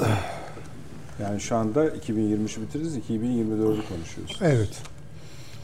Ee, şimdi tabii parça başı düşünürsek Süre Ee, nedeniyle bu seferlik öyle yani evet savaş manzaraları geliyor. İşte Ukrayna Rusya savaşıyor, aşağıda Filistin İsrail savaşıyor. Her an savaşın patlamasına e, gebe olan yerler var. Ya bu iş büyüyebilir, yayılabilir falan. Böyle de bakılabilir de. Ben izninizle biraz daha farklı bir noktadan bakmak Buyurunuz. istiyorum. Sonunu aynı yere bağladığınız sürece. Evet. Şimdi ekonomiden yola çıkacağım ben. Yani dünyanın ağır bir ekonomik kriz yaşadığı ortada. Ya bu Türkiye'de yansıyor tabii. Türkiye'de bunu kendi bahçesinde e, idrak ediyor. Ee, Avrupa ekonomik bir kriz yaşıyor. Amerika ekonomik bir kriz yaşıyor. Son gelen haberler Çin'de bir ekonomik kriz yaşıyor. Şimdi böyle bir durumda akılcı yol nedir? Oturulur. Bütün tarafların güzide ekonomistleri kafa kafaya verirler. Buradan bir çıkış yolu bulabilir miyiz? İşte yeniden üretimi canlandırabilir miyiz? Değil mi? Bölüşümüyle ilgili genel bir takım prensipler geliştirebilir miyiz? Makul olan budur. Şimdi ben manzaraya bakıyorum. Haberler geliyor mesela. Rusya Ukrayna savaşıyor. Orada tahıl koridoru kapanıyor. Allah Allah. Sonra başka bir haber geliyor. Bu İsrail Filistin savaşının yansıması olarak Kızıldeniz kapanıyor. Allah Allah. Sonra Çin'le Amerika biraz hırlaşıyor, dalaşıyor. Malayka Boğazı mıdır? nedir? O Malaka. kapanıyor. Malaka. Malayka Boğazı kapanıyor. E, yarın Hürmüz de kapanabilir. Polisario cephesinden haberler geliyor. İsveç'i alırsanız kutup Ha, orası Yolu da kap- kapanabilir. e, orası da kapanıyor. Cebeli Tarık da her an kapanabilir. çok önemli İran Şimdi, meselesi. Allah Allah. Şimdi bunlar rasyonel sonuçlar. İran Akdeniz'i kilitlerim dedi hoca ya. Tabii yani herkes böyle bir dünyaya kilit atma. Yani normal olarak ekonomiyi biz nerede düşünüyoruz? Mal ve hizmet biraz problemli ama en azından malların rahat rahat dünyada bir seyri sefer rejimi kazanmasıdır. İşte bereket bir yerden bir yere gidecek, nimetler, ürünler, mallar falan filan. Sanki bir el zaten krize girmiş olan ekonomiyi acaba daha nasıl krize sokabilirim? Düşman yolları kesti diyorsunuz. E, ama öyle değil mi? Tabii yani. Ya şimdi Baltık'ı kapatıyorlar. İsveç NATO'ya girince harita ortada. Rusya nefes alamayacak. Değil mi? E sadece Rusya'ya ait değil ki o deniz. Oradaki ticarette Finlandiya'da bundan etkilenecek eminim. Ee, İsveç'in kendisi de etkilenecek. Norveç de etkilenecek. Estonya, Letonya hepsi etkilenecekler. E Akdeniz ticareti Cebel Tarik'ten kapatırsanız yarın bakın bu kapatma işine, kilitleme işine bizim boğazları da dahil etmek isteyen yeni bir Karadeniz planı. gündem kaz- çıkabilir ortaya. Allah saklasın. Şimdilik Montreux üzerinden en azından duruma hakimiz. Ha, Hürmüz kapanabilir. Basra e, şey İran körfezi kapanabilir. Ne oluyoruz ya?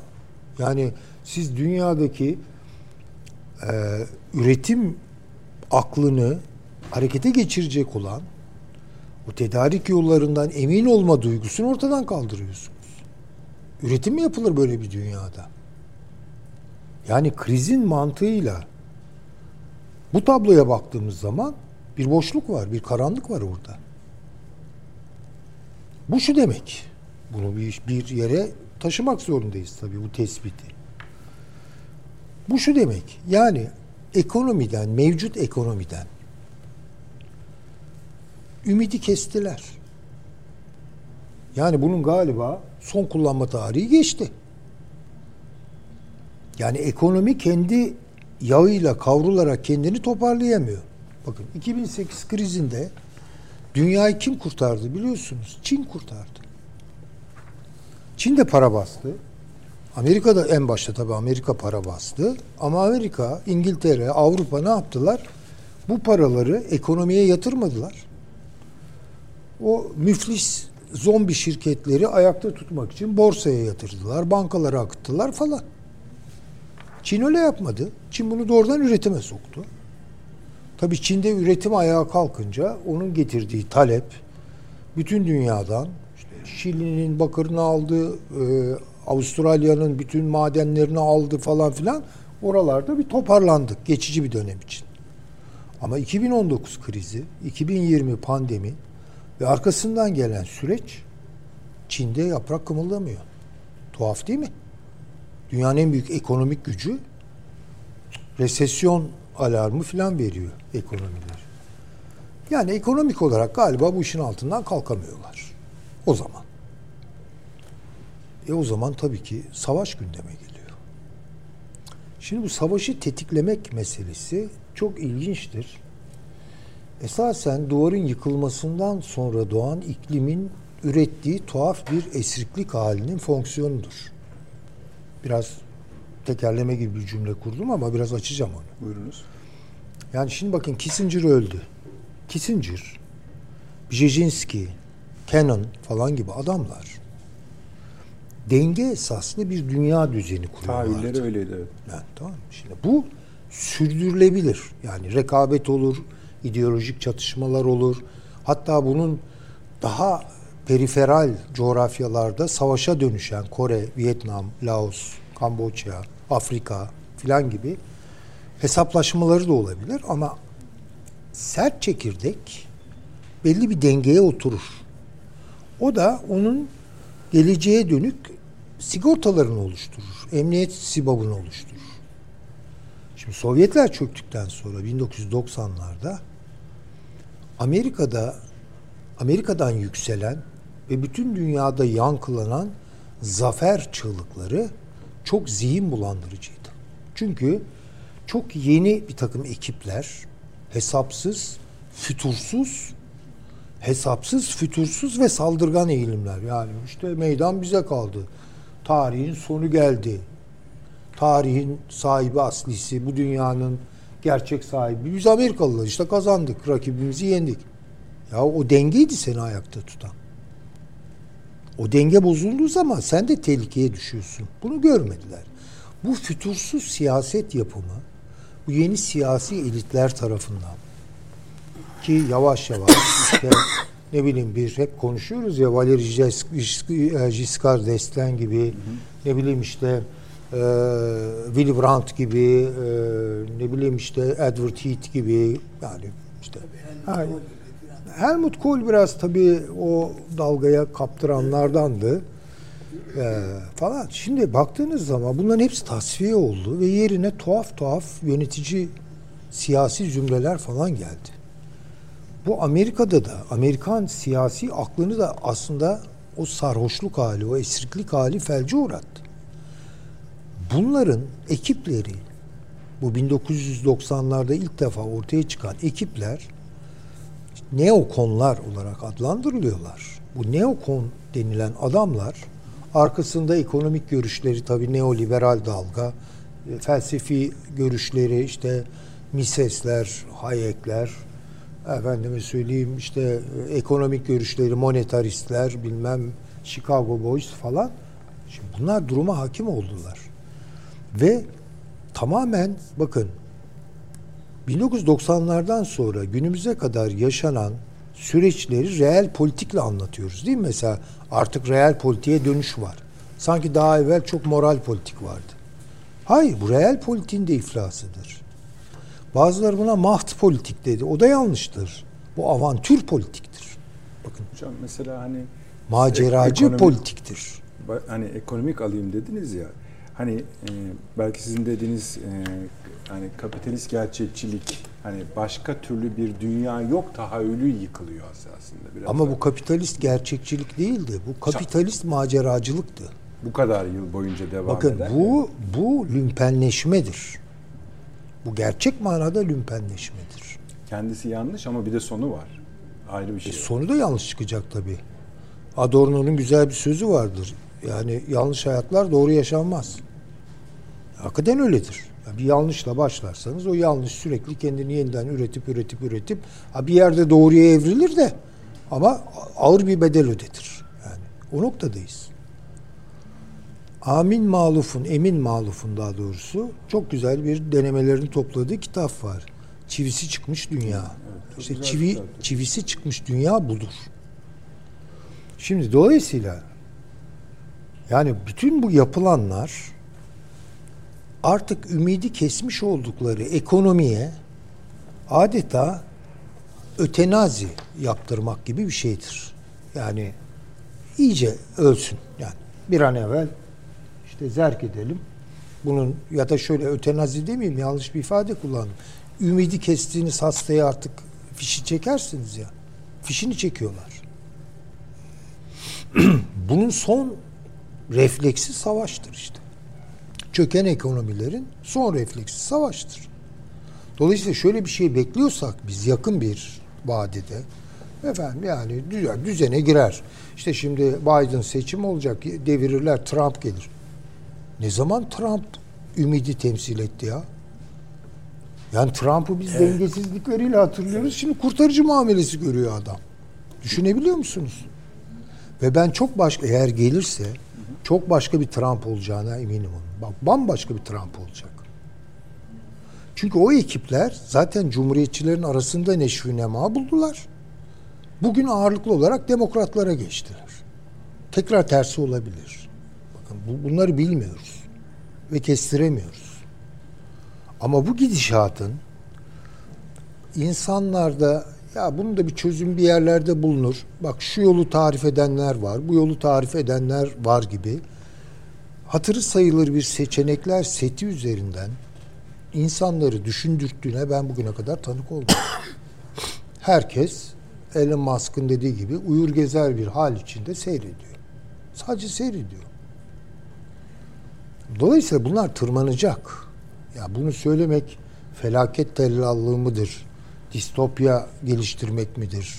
Yani ya da distopya geliştirenlere boncuk dağıtmak mıdır? Onu ben bilemem. Ben bu bir tespit olarak görüyorum. Bu badireleri ağırlaşarak yaşayacağımız kanaatindeyim. Yani bir kere bunu söyleyebilirim. Yani Gazze Savaşı büyürse hiç şaşırmayacağım ve büyümeye temayülü var.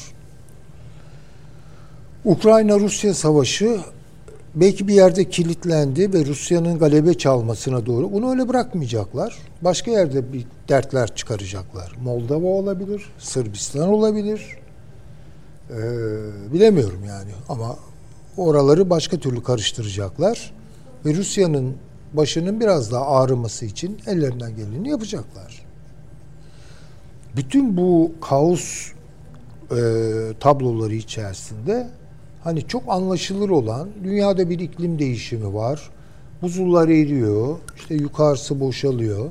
Bakın bu tedarik yollarını değiştirecek olan bir şey. Çin'in elini rahatlatacak olan bir şey. Dolayısıyla Kuzey Kutbu'yla Arktik bölgesiyle ilgili yeni bir paylaşım ortaya çıkıyor.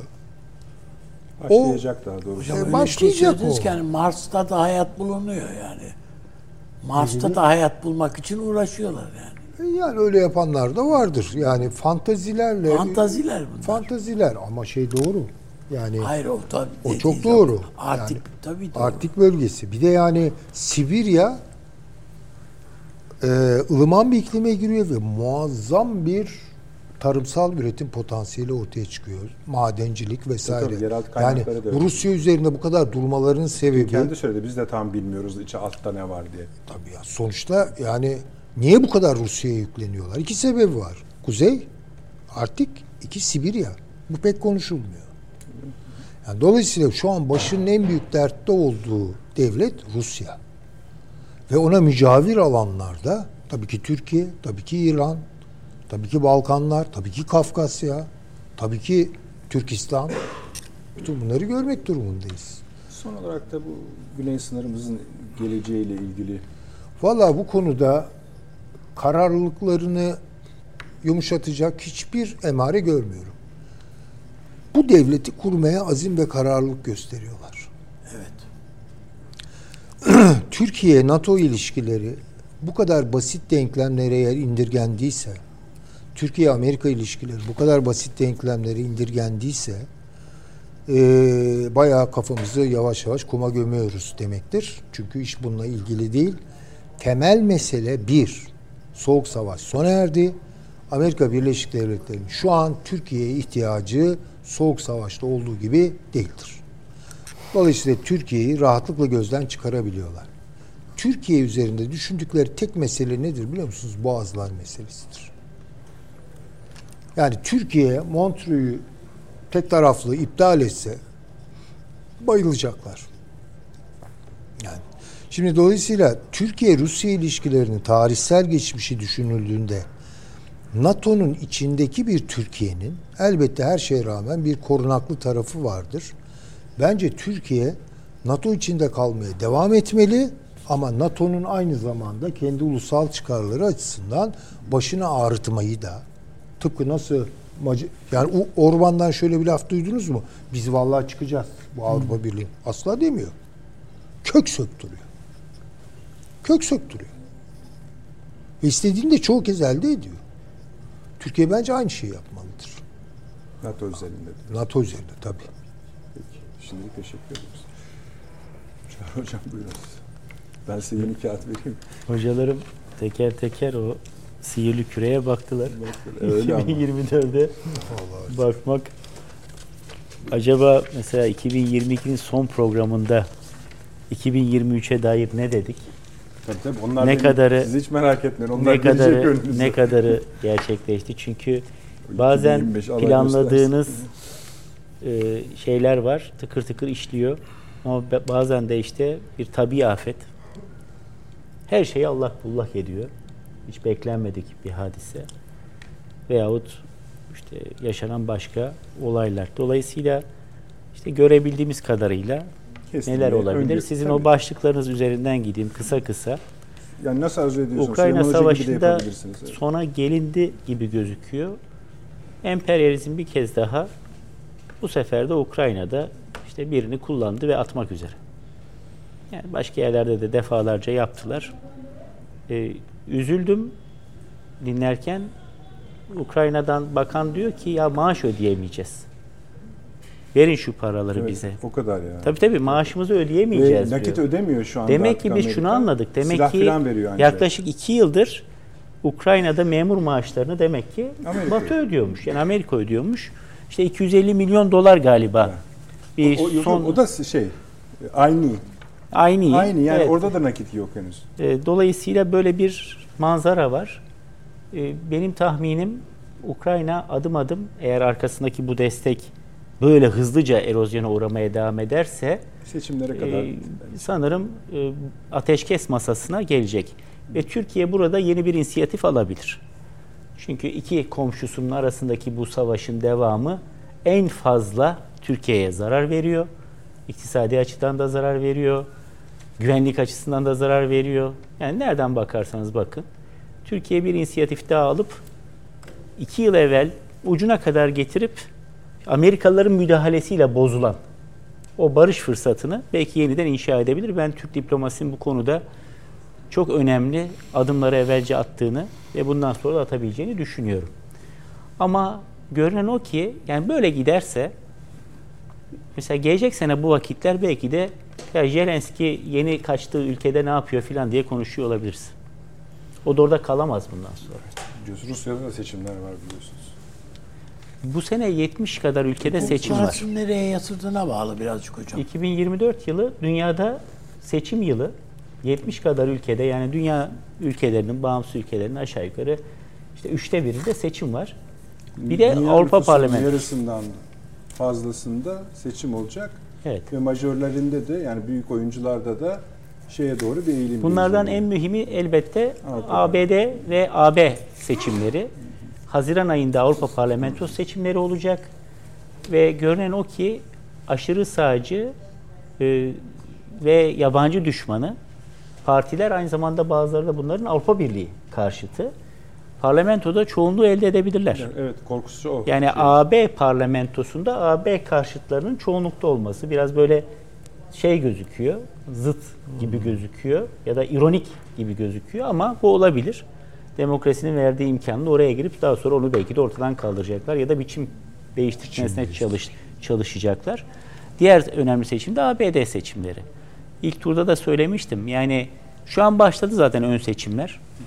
İşte Trump'ın adaylığını engelleme çabaları var. Colorado Neyse, bir karar aldı, ya. o temize götürdü.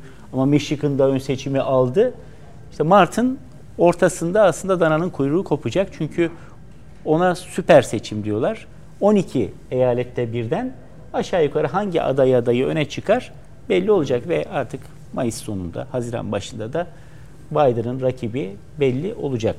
Şimdi böyle bir seçim ortamında Amerikan dış politikasında e, çok radikal adımlar atılmasını beklememek lazım. Yani daha belki seçim yıllarına Hatta baktığımızda da. bile hocam ona çok yaslanmamak Ya lazım. şöyle radikalden kastettim. Mesela Ukrayna'ya son iki yıldır yaptığı kadar askeri yardım. Nereden geçecek bu? Ee, kongreden, Temsilciler Meclisi'nden. Temsilciler Meclisi Biden'ın elini kuvvetlendirecek bir şey yapar mı, yapmaz mı? Şimdi seçime gidiyor bunlar çünkü. Hatta bozar mı? Yani savaş bütçesi. Biden bu işe teşebbüs eder mi? Çünkü onun da ne yapmaya çalışıyor? Ekonomiyi düzeltmeye çalışıyor. İnsanların cebine daha çok para girmesini e, sağlamaya çalışıyor. Dolayısıyla böyle bir e, süreç yaşayacağız. Seçimler dönemi. ABD ile ilişkilerimizde az önce konuştuk. Tamam. Yani o yüzden çok ayrıntısına girmeyeceğim ama temel sorunların çözüleceğini ben beklemiyorum. Elbette o 75. yıl zirvesinde üst düzey görüşme olabilir Haziran ayında 2024'ün. Tem- NATO'yu, Gazze- NATO'yu mu diyorsunuz? Evet NATO zirvesi Temmuz'da Washington'da olacak. Temmuz'da. Evet. Yani yaz yazın Temmuz şeyde Washington'da 75. kuruluş yıl dönümü NATO'nun Evet. zirvesi gerçekleşecek 49 işte 2024. Orada İsveç'i de üye olarak görmek istiyoruz diye mesaj verip duruyorlar Amerikalılar. Bakalım göreceğiz. İsrail Gazze. Şimdi hiçbir şekilde sürdürülebilirliği yok bu tablonun. Normal şartlar altında. NŞA. Fakat devam ediyor adam. Ve pervasızca devam ediyor. Bütün dünyada nefret kazanma bahasına devam ediyor. Bak şimdi araya girmeyeyim diye söylemedim demin de şeyin raporunu yayınlamış e, İsrail Savunma Bakanlığı. E, bu rehineleri öldürdüler ya ellerinde beyaz bayraklarla falan. Şey diyor rapor bir sorun yok diyor. Normaldir diyor olabilir. Şimdi Kendilerini kendi insanlarını. bunlar Gazze'nin kuzeyinde bir askeri bölge, işgal bölgesi kurma arzusundalar. Ama 2 milyon insanın da o güneye sıkışmasının doğuracağı bu sefer kitlesel ölümler hastalıktan, kıtlıktan söz konusu olabilir. Mısır üzerindeki baskıları artırmak suretiyle işte bunları alın. Geçici olarak diyecek ilk önce. Daha sonra da kalıcı hale getirmeye çalışacak. Ama Filistinler buna direniyorlar şu anda. Mısır'ın da zaten alma gibi bir niyeti yok. Fakat bir yandan da belki tek olumlu haber, yani bu kadar olumsuzluk yanında Lahey'deki Uluslararası Ceza Mahkemesi'nin savcısı bölgeye gidip delil toplamaya başladı. Yani niye bu kadar yavaş hareket etti? Her şey zaten canlı yayında. Bunlar her şey söylenebilir. Ama en azından ileriye dönük burada işlenmiş olan suçların böyle havada kalmayacağı, bu suçları işleyenlerin en azından bir dava sürecine konu olacakları. Bakın İsrail söz konusu olduğunda ne kadar insanlar temkinli konuşuyorlar değil mi? Yani ben Tabii dahil. ki. Yani diyemiyoruz ki ya bunu yapan adam ülkesinden dışarı bir Avrupa ülkesine gidemez. Kapıdan girdiğinde bunu alır mahkemeye götürür ve tıkarlar hapse. Bu kadar savaş. İsrail söz konusu olduğunda bunu söyleyemiyorsunuz. Yani Putin için yakalama kararı çıkartan divan bu savaş suçlarını açık açık işleyen ya orada sivil yok. Hepsi terörist diye. Oradaki herkesi e, katledebilirsiniz. Bilirsiniz, Ne yaparsanız yapın. Başınıza bir iş gelmeyecek. Hiçbir şekilde yargılanamayacaksınız diyen diyen bir takım insanlar aleyhine henüz bir gelişme yok. Ama delil toplamaya başlaması, ilk adımları atması önemli. İsrail açısından bir sonuç doğurur mu? Hep konuştuk burada. En azından ekonomisi Sonuç- açısından doğurdu. Sonuç doğuracak olan Yani eksi 10 bekleniyor bugün. Bir, önümüzdeki sonuç sonuç doğuracak olan Büyümesi. İsrail içinden gelecek olan tepki. Netanyahu'ya yeter artık diyecek olan İsrail halkının tepkisi hem savaştaki tutumu dolayısıyla Dışarıdan bir şey olmaz diyorsunuz. ABD'nin demesiyle bugüne kadar olmadı. Yani ama o tamam hani bölge ama ABD üzerinden İsrail içerisindeki muhalefet harekete geçirilebilir. Ve bu bu ortaya çıkacak. Ee, bence 2024 içerisinde. Avrupa Birliği ile ilişkilerimiz en son bir AB raporu vardı. O bazı olumlu işaretler vermişti. Yeni bir müzakere faslı açılmayacak O ama hala öyle hocam. Siz şeyi söyleyin. Yani aşağıdaki durumda biz bizim bir değişiklik olacak mı? Yani güneyde terörle mücadele bölgesinde. Şimdi bu bir süreç. Maalesef 1984'ten beri devam eden bir süreç. Bunun nasıl çözüleceği belli. O yapılırsa çözülür. Yapılmazsa ancak idare edilir. Yönetilebilir. Yönetilebilir ancak. Daha az yani zarar minimize edilerek. Çözüm belli. Her şeyi göz alır girersiniz buraya. Ve bölge ülkeleriyle de Irak ve İran'la da işbirliği yaparak İran'a da gerekli telkinlerde bulunarak çünkü bu son saldırıda herhalde o taraftan geldiler bunlar. Öyle anlaşılıyor. Evet. Oradan geldiler değil mi? Ee, böyle biter bu iş. 100 kilometre fark Ha, varmış. ama o tatbikatları yaptıkları yer. Yani Suriye, bütün- Kamışlı. İşte onun için siz geçen program dediniz ya taraf. Amerikalılar eğitti, Mossad'lar nasıl, Mossad Evet. nasihatler. Yani yoksa yani böyle kestirip atmazsanız bu Peki. işi bu daha sürer. Yani 10 sene sonra da biz bunu konuşuruz. Ama daha e, sınırlarımızın dışında kalırlar. İçeride zaten bitti aşağı yukarı. Tabii tabii. Değmesin. sınırlarımızın dışında zaten yeni Türkiye'nin stratejisi sınırın, hududun ötesinden Türkiye'nin güvenliğini sağlamak. Bu son terör saldırısında da askerlerimiz o vazifeyle orada bulunuyorlardı. e, Şehit olduklarında. Bunu sürdürürsünüz. Yeni teknolojik araçları da kullanırsınız. Ama bunu bitirmenin yolu bu.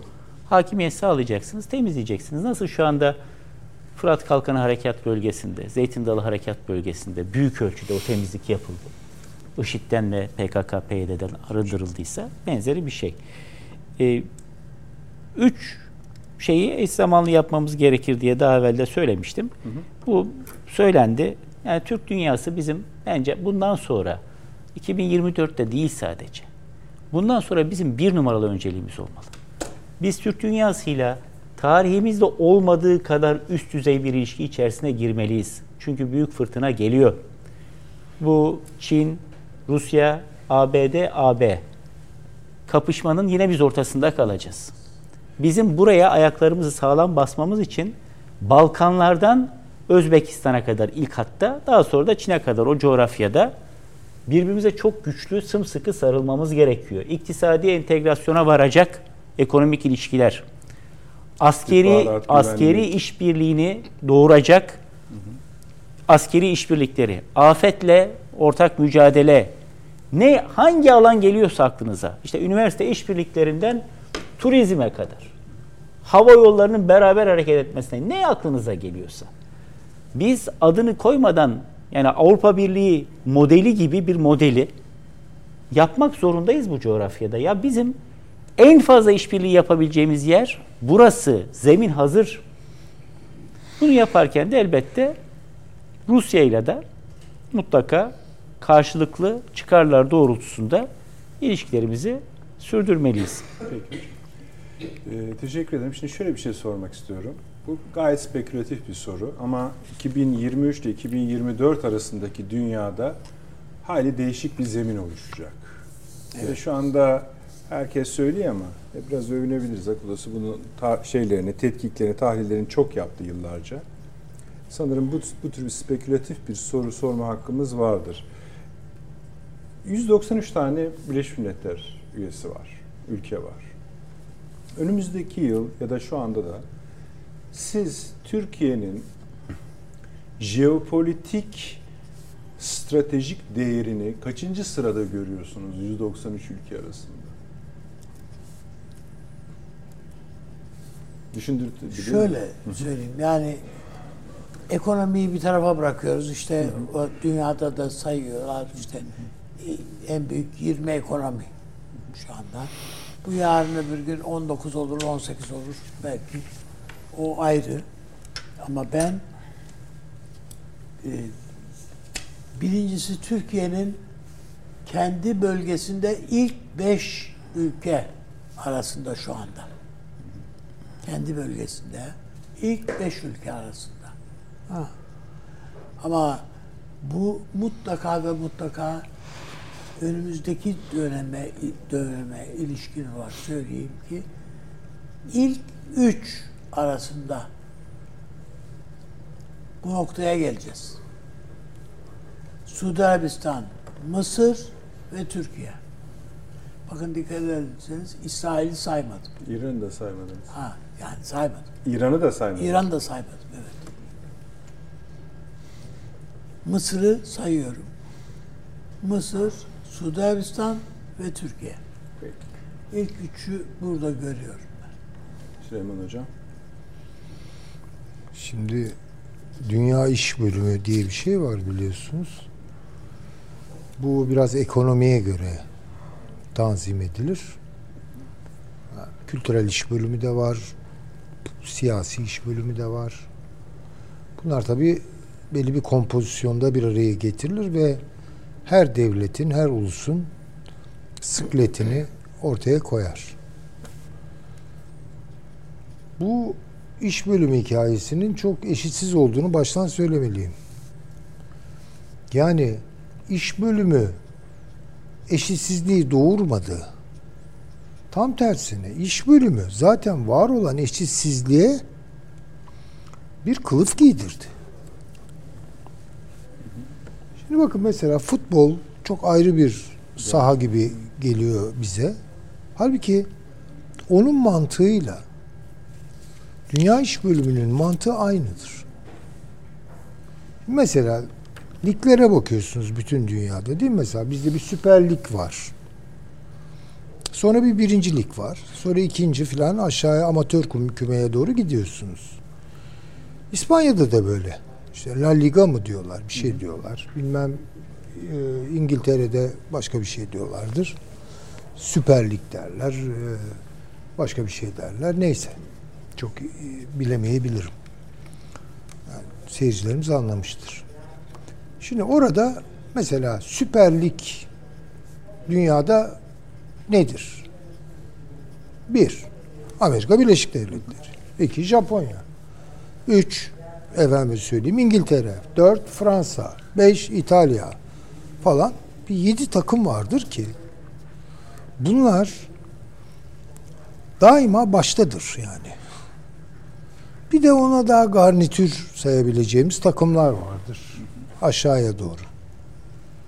Şimdi Türkiye bir Süper Lig takımı mıdır? Türkiye bir Süper Lig takımı değildir. Türkiye'nin yer aldığı lig G20'dir. Yani bizim futbol tabirimize göre birinci ligdir.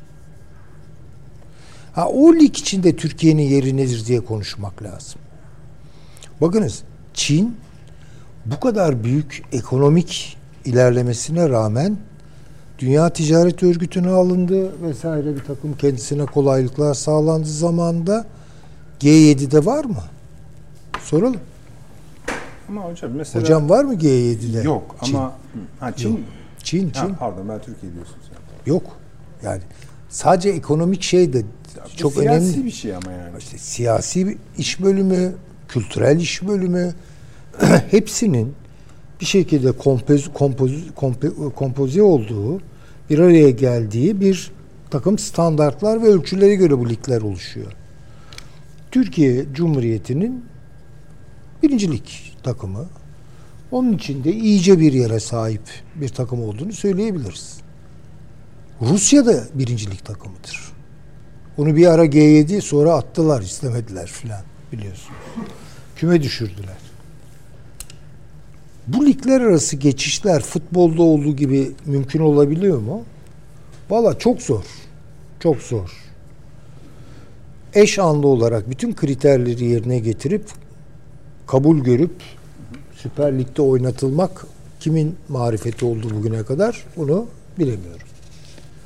Örneği pek fazlaca yok herhalde. Belki hani Güney Kore diyor ekonomik mucize, Pasifik aslanları, kaplanları iyi ama yani orada bir gene dışlamanın söz konusu. Yani bu iş hakikaten e, bir tür dünya kast sistemi gibi bir şeydir. Yani bayağı Hindistan'daki o kast sistemi var ya geçirgen olmayan, mobilizasyona izin vermeyen böyle tuhaf bir e, dünya ligi var. Dolayısıyla yani Türkiye'nin yerini birincilik standartlarına göre ölçmekte bence fayda var. Ha inşallah tabii gönlümüzden geçenlerle alakalı değil. Ya isteriz ki Türkiye dünya şampiyonu olsun. Voleybolcu kızlarımız gibi falan. Yani oralarda biraz teselli buluyoruz da işte o, o öbür lig biraz rigid bir lig.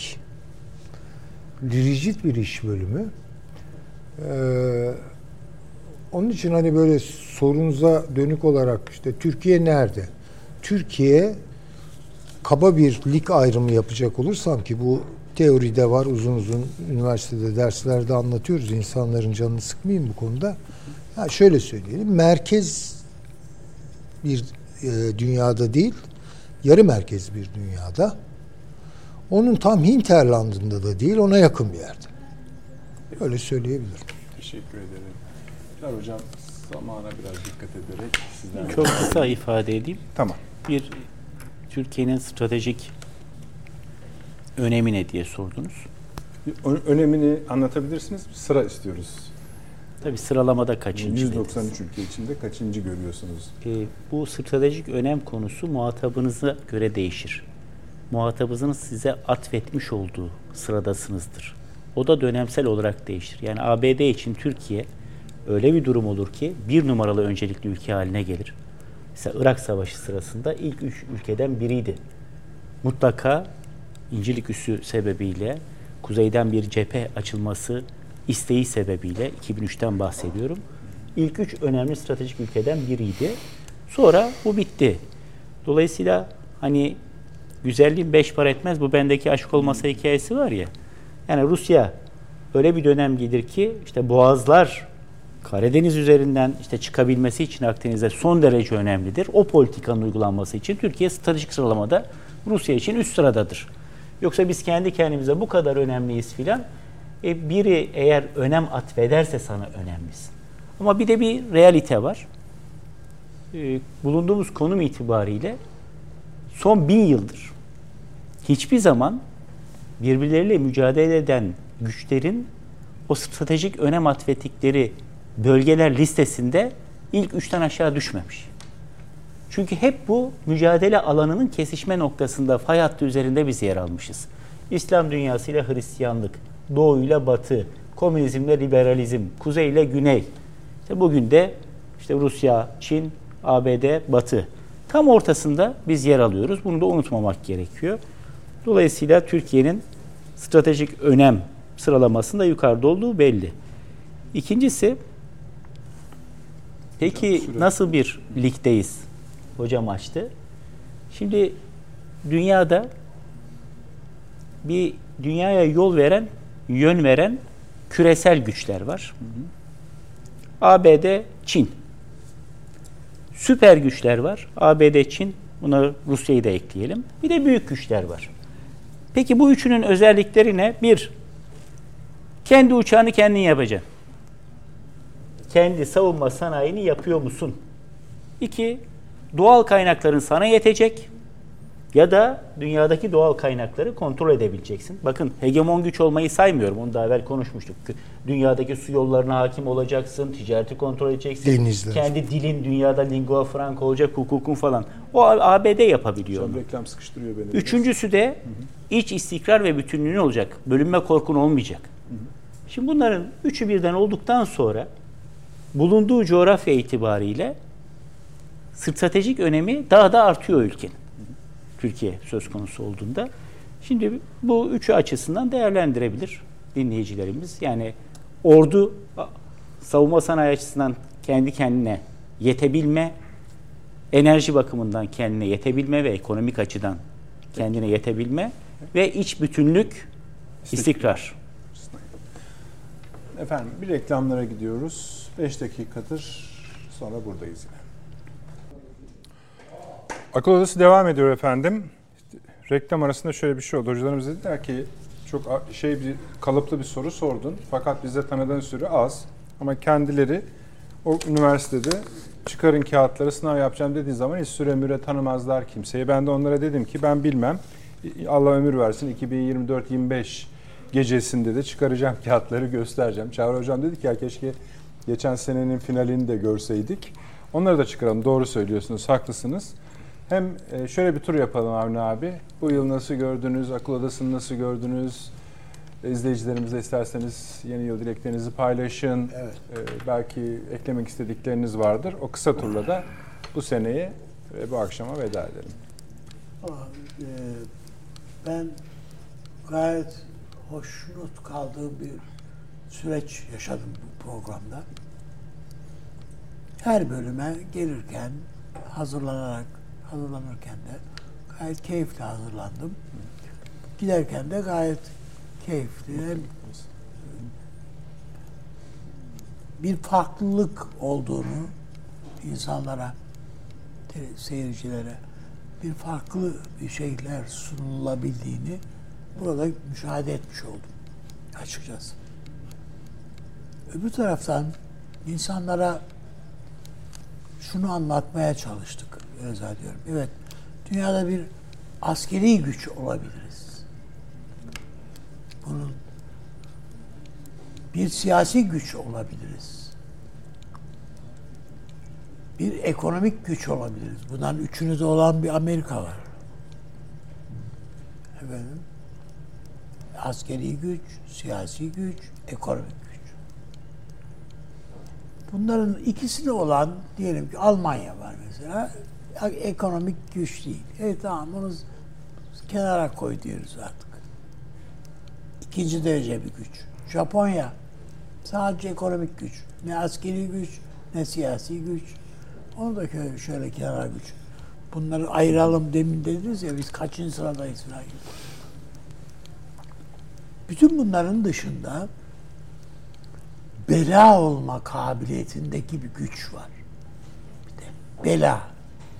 Ne askeri güç, ne siyasi güç, ne ekonomik güç ama bela. El-Kaide diyor adam. Tamam bu, bu başka bir şey yani. Bütün bunların içerisinde işte mesela şimdi İsrail bunların bir ikisini yani bu Amerika'nın güçlerini kendi cebine koyduğu için askeri güç, siyasi Tabii. güç, ekonomik güç falan böyle oyunlamıyor ama bela işte. Yangın çıkarıyor adam. Yani bazı çocuklar vardır yani bu psikiyatrik hastadır bunlar. Yani bir yerde kibrit çakar atar. Bu İsrail böyle bir şey. Bugüne ait bir şey değil bu. Tarihte de böyleydi bunlar. Yani Musa'nın da başını yaktılar. Bugün de bütün dünyanın başını yakıyorlar. İşte onun için önümüzdeki dönem bunları filan farkındalıkla geçireceğimiz bir yıl olsun diye arzu ediyorum. Çok teşekkür ederiz Avni Süleyman Hocam. Programla ilgili mi Yo konuşuyoruz? yo yo. Ee, demin saydığım konularla ilgili. Mesela siz demin şeyle eksik kaldı dediniz. Ama o Ee, uzar o iş. Ha, ben peki. hiç büyütmeyeyim o Peki. işi. Sadece ben de üstadıma katılıyorum. Avni Özgürel'le, Çağrı Hocam'la, Hasan Hocam'la, Ya zat halinizle. şeye çevirmeye Hayır yani orasını e, sordunuz o zaman sormasaydınız. Hayır yok, sormadım onu zaten. Akıl odası dediniz. Hayır hayır izleyicilerimiz açısından söyledim. Şimdi kendi kendimizi şey yaptık. Hayır, Rica yani- ederim buyurun tabii de. En azından ben şahsi tarafımı tabii, tabii, buyurun mülazam zaten, tabii. Son derece besleniyorum. Yeni şeyler de öğreniyorum. Düşünce e, dinamizmimi de arttıran şeyler sağlıyor bu program. E, herhalde güzel bir ambiyans da oluştu ki herhalde seyircilerimiz bu programa teveccüh gösteriyorlar. İnşallah devamı gelir. Sağlık içerisinde, huzur içerisinde diyelim. Ee, ben hep yeni yıla girerken gördüğüm şeyleri tabii söylemek mümkün. Burada da anlattım. Biraz da karanlık tablolar çizdiğimi farkındayım. Ee, ama bizim avantajımız duadır. Eyvallah. Onun için Evet. ben e, dualı bir şekilde Allah bu günlerimizi aratmasın. Duasında bul- bulunacağım. Niyazında daha doğrusu bulunacağım. Ee, ve e, önümüzdeki yıl inşallah bütün bu söylediklerimiz yanlış çıkar. Düzlüğe çıkmış, biraz feraha ermiş, biraz rahata ermiş bir e, insanlık durumuyla karşılaşırız. Hem küresel hem bölgesel hem en başta memleketimiz için güzel şeyleri dileyelim. Güzel bakmaya çalışıp güzel şeyler görelim Sağ inşallah. olun Çağrı Hocam. Akıl Odası'nın bir program esnasındaki tablosu var. Bunun bir evveliyatı var. Bir de sonrası var. Tabii tabii. Şimdi izleyicilerimiz sadece bunu biliyor. Yani biz 20-45 civarında başlayıp 11-10, 11-15'te bitiriyoruz. Halbuki bundan evvel bir hazırlık var. Tabii. Konuları tespit etme, konuları Konuşma var. konuşma. Artı yaklaşık bir, bir buçuk saat evvel gelip çok keyifli bir sohbet var. Bir ısınma var. Orada sadece ele alınacak konular konuşulmuyor. Tabii çok şey konuşuluyor. Çok şey konuşuluyor. Bazıları da yani yetişmiyor zaten Tabii, buraya tabii, da. Bir de sonrası var. Yani eve gittiğinizde de aslında o hafta boyunca çünkü izleyicilerimizin bir kısmı canlı seyrediyor, bir kısmı YouTube'dan YouTube'dan seyrediyor. Dünyanın seyrediyor. her yerinden Tekrarı seyrediyor var. saat Evet, farkı sebebiyle. Bu sefer de onlardan gelen yorumlara ve maillere, mesajlara cevap süreci var. Siz de biliyorum ben her birine tek tek dönüyorsunuz. Hocalarımız da öyle. Böyle karşılıklı bir saygı, sevgi ilişkisi içerisinde e, konuşurken öğrendiğimiz birbirimizden ayaklarımız geri geri giderek değil koşa koşa geldiğimiz çünkü keyif alarak didişmeden etrafa bir şey ispat etme zorunluluğu içerisinde olmadan tartışmadan tartışmadan derken tartışıyoruz da işte kavga etmeden e, götürüyoruz. Burada tabii yani siz orkestra şefi olarak ben altlardaki yorumları da YouTube'da okuyorum. En büyük övgüyü Nedret Bey alıyor. Yok yok öyle bir şey. Hem öyle öyle. Bu nasıl buraya geldi tam bilmiyorum ama. çok çok e, memnunuz biz de ve hocalarımdan da gerçekten iki yıldır istifade ediyorum. E, Allah devlete, millete zeval Zeval vermesin. Eyvallah. Biz Türklerin en büyük tabi şiarı devlet, ebed, müddet. Millet varsa devlet var. Devlet varsa millet var.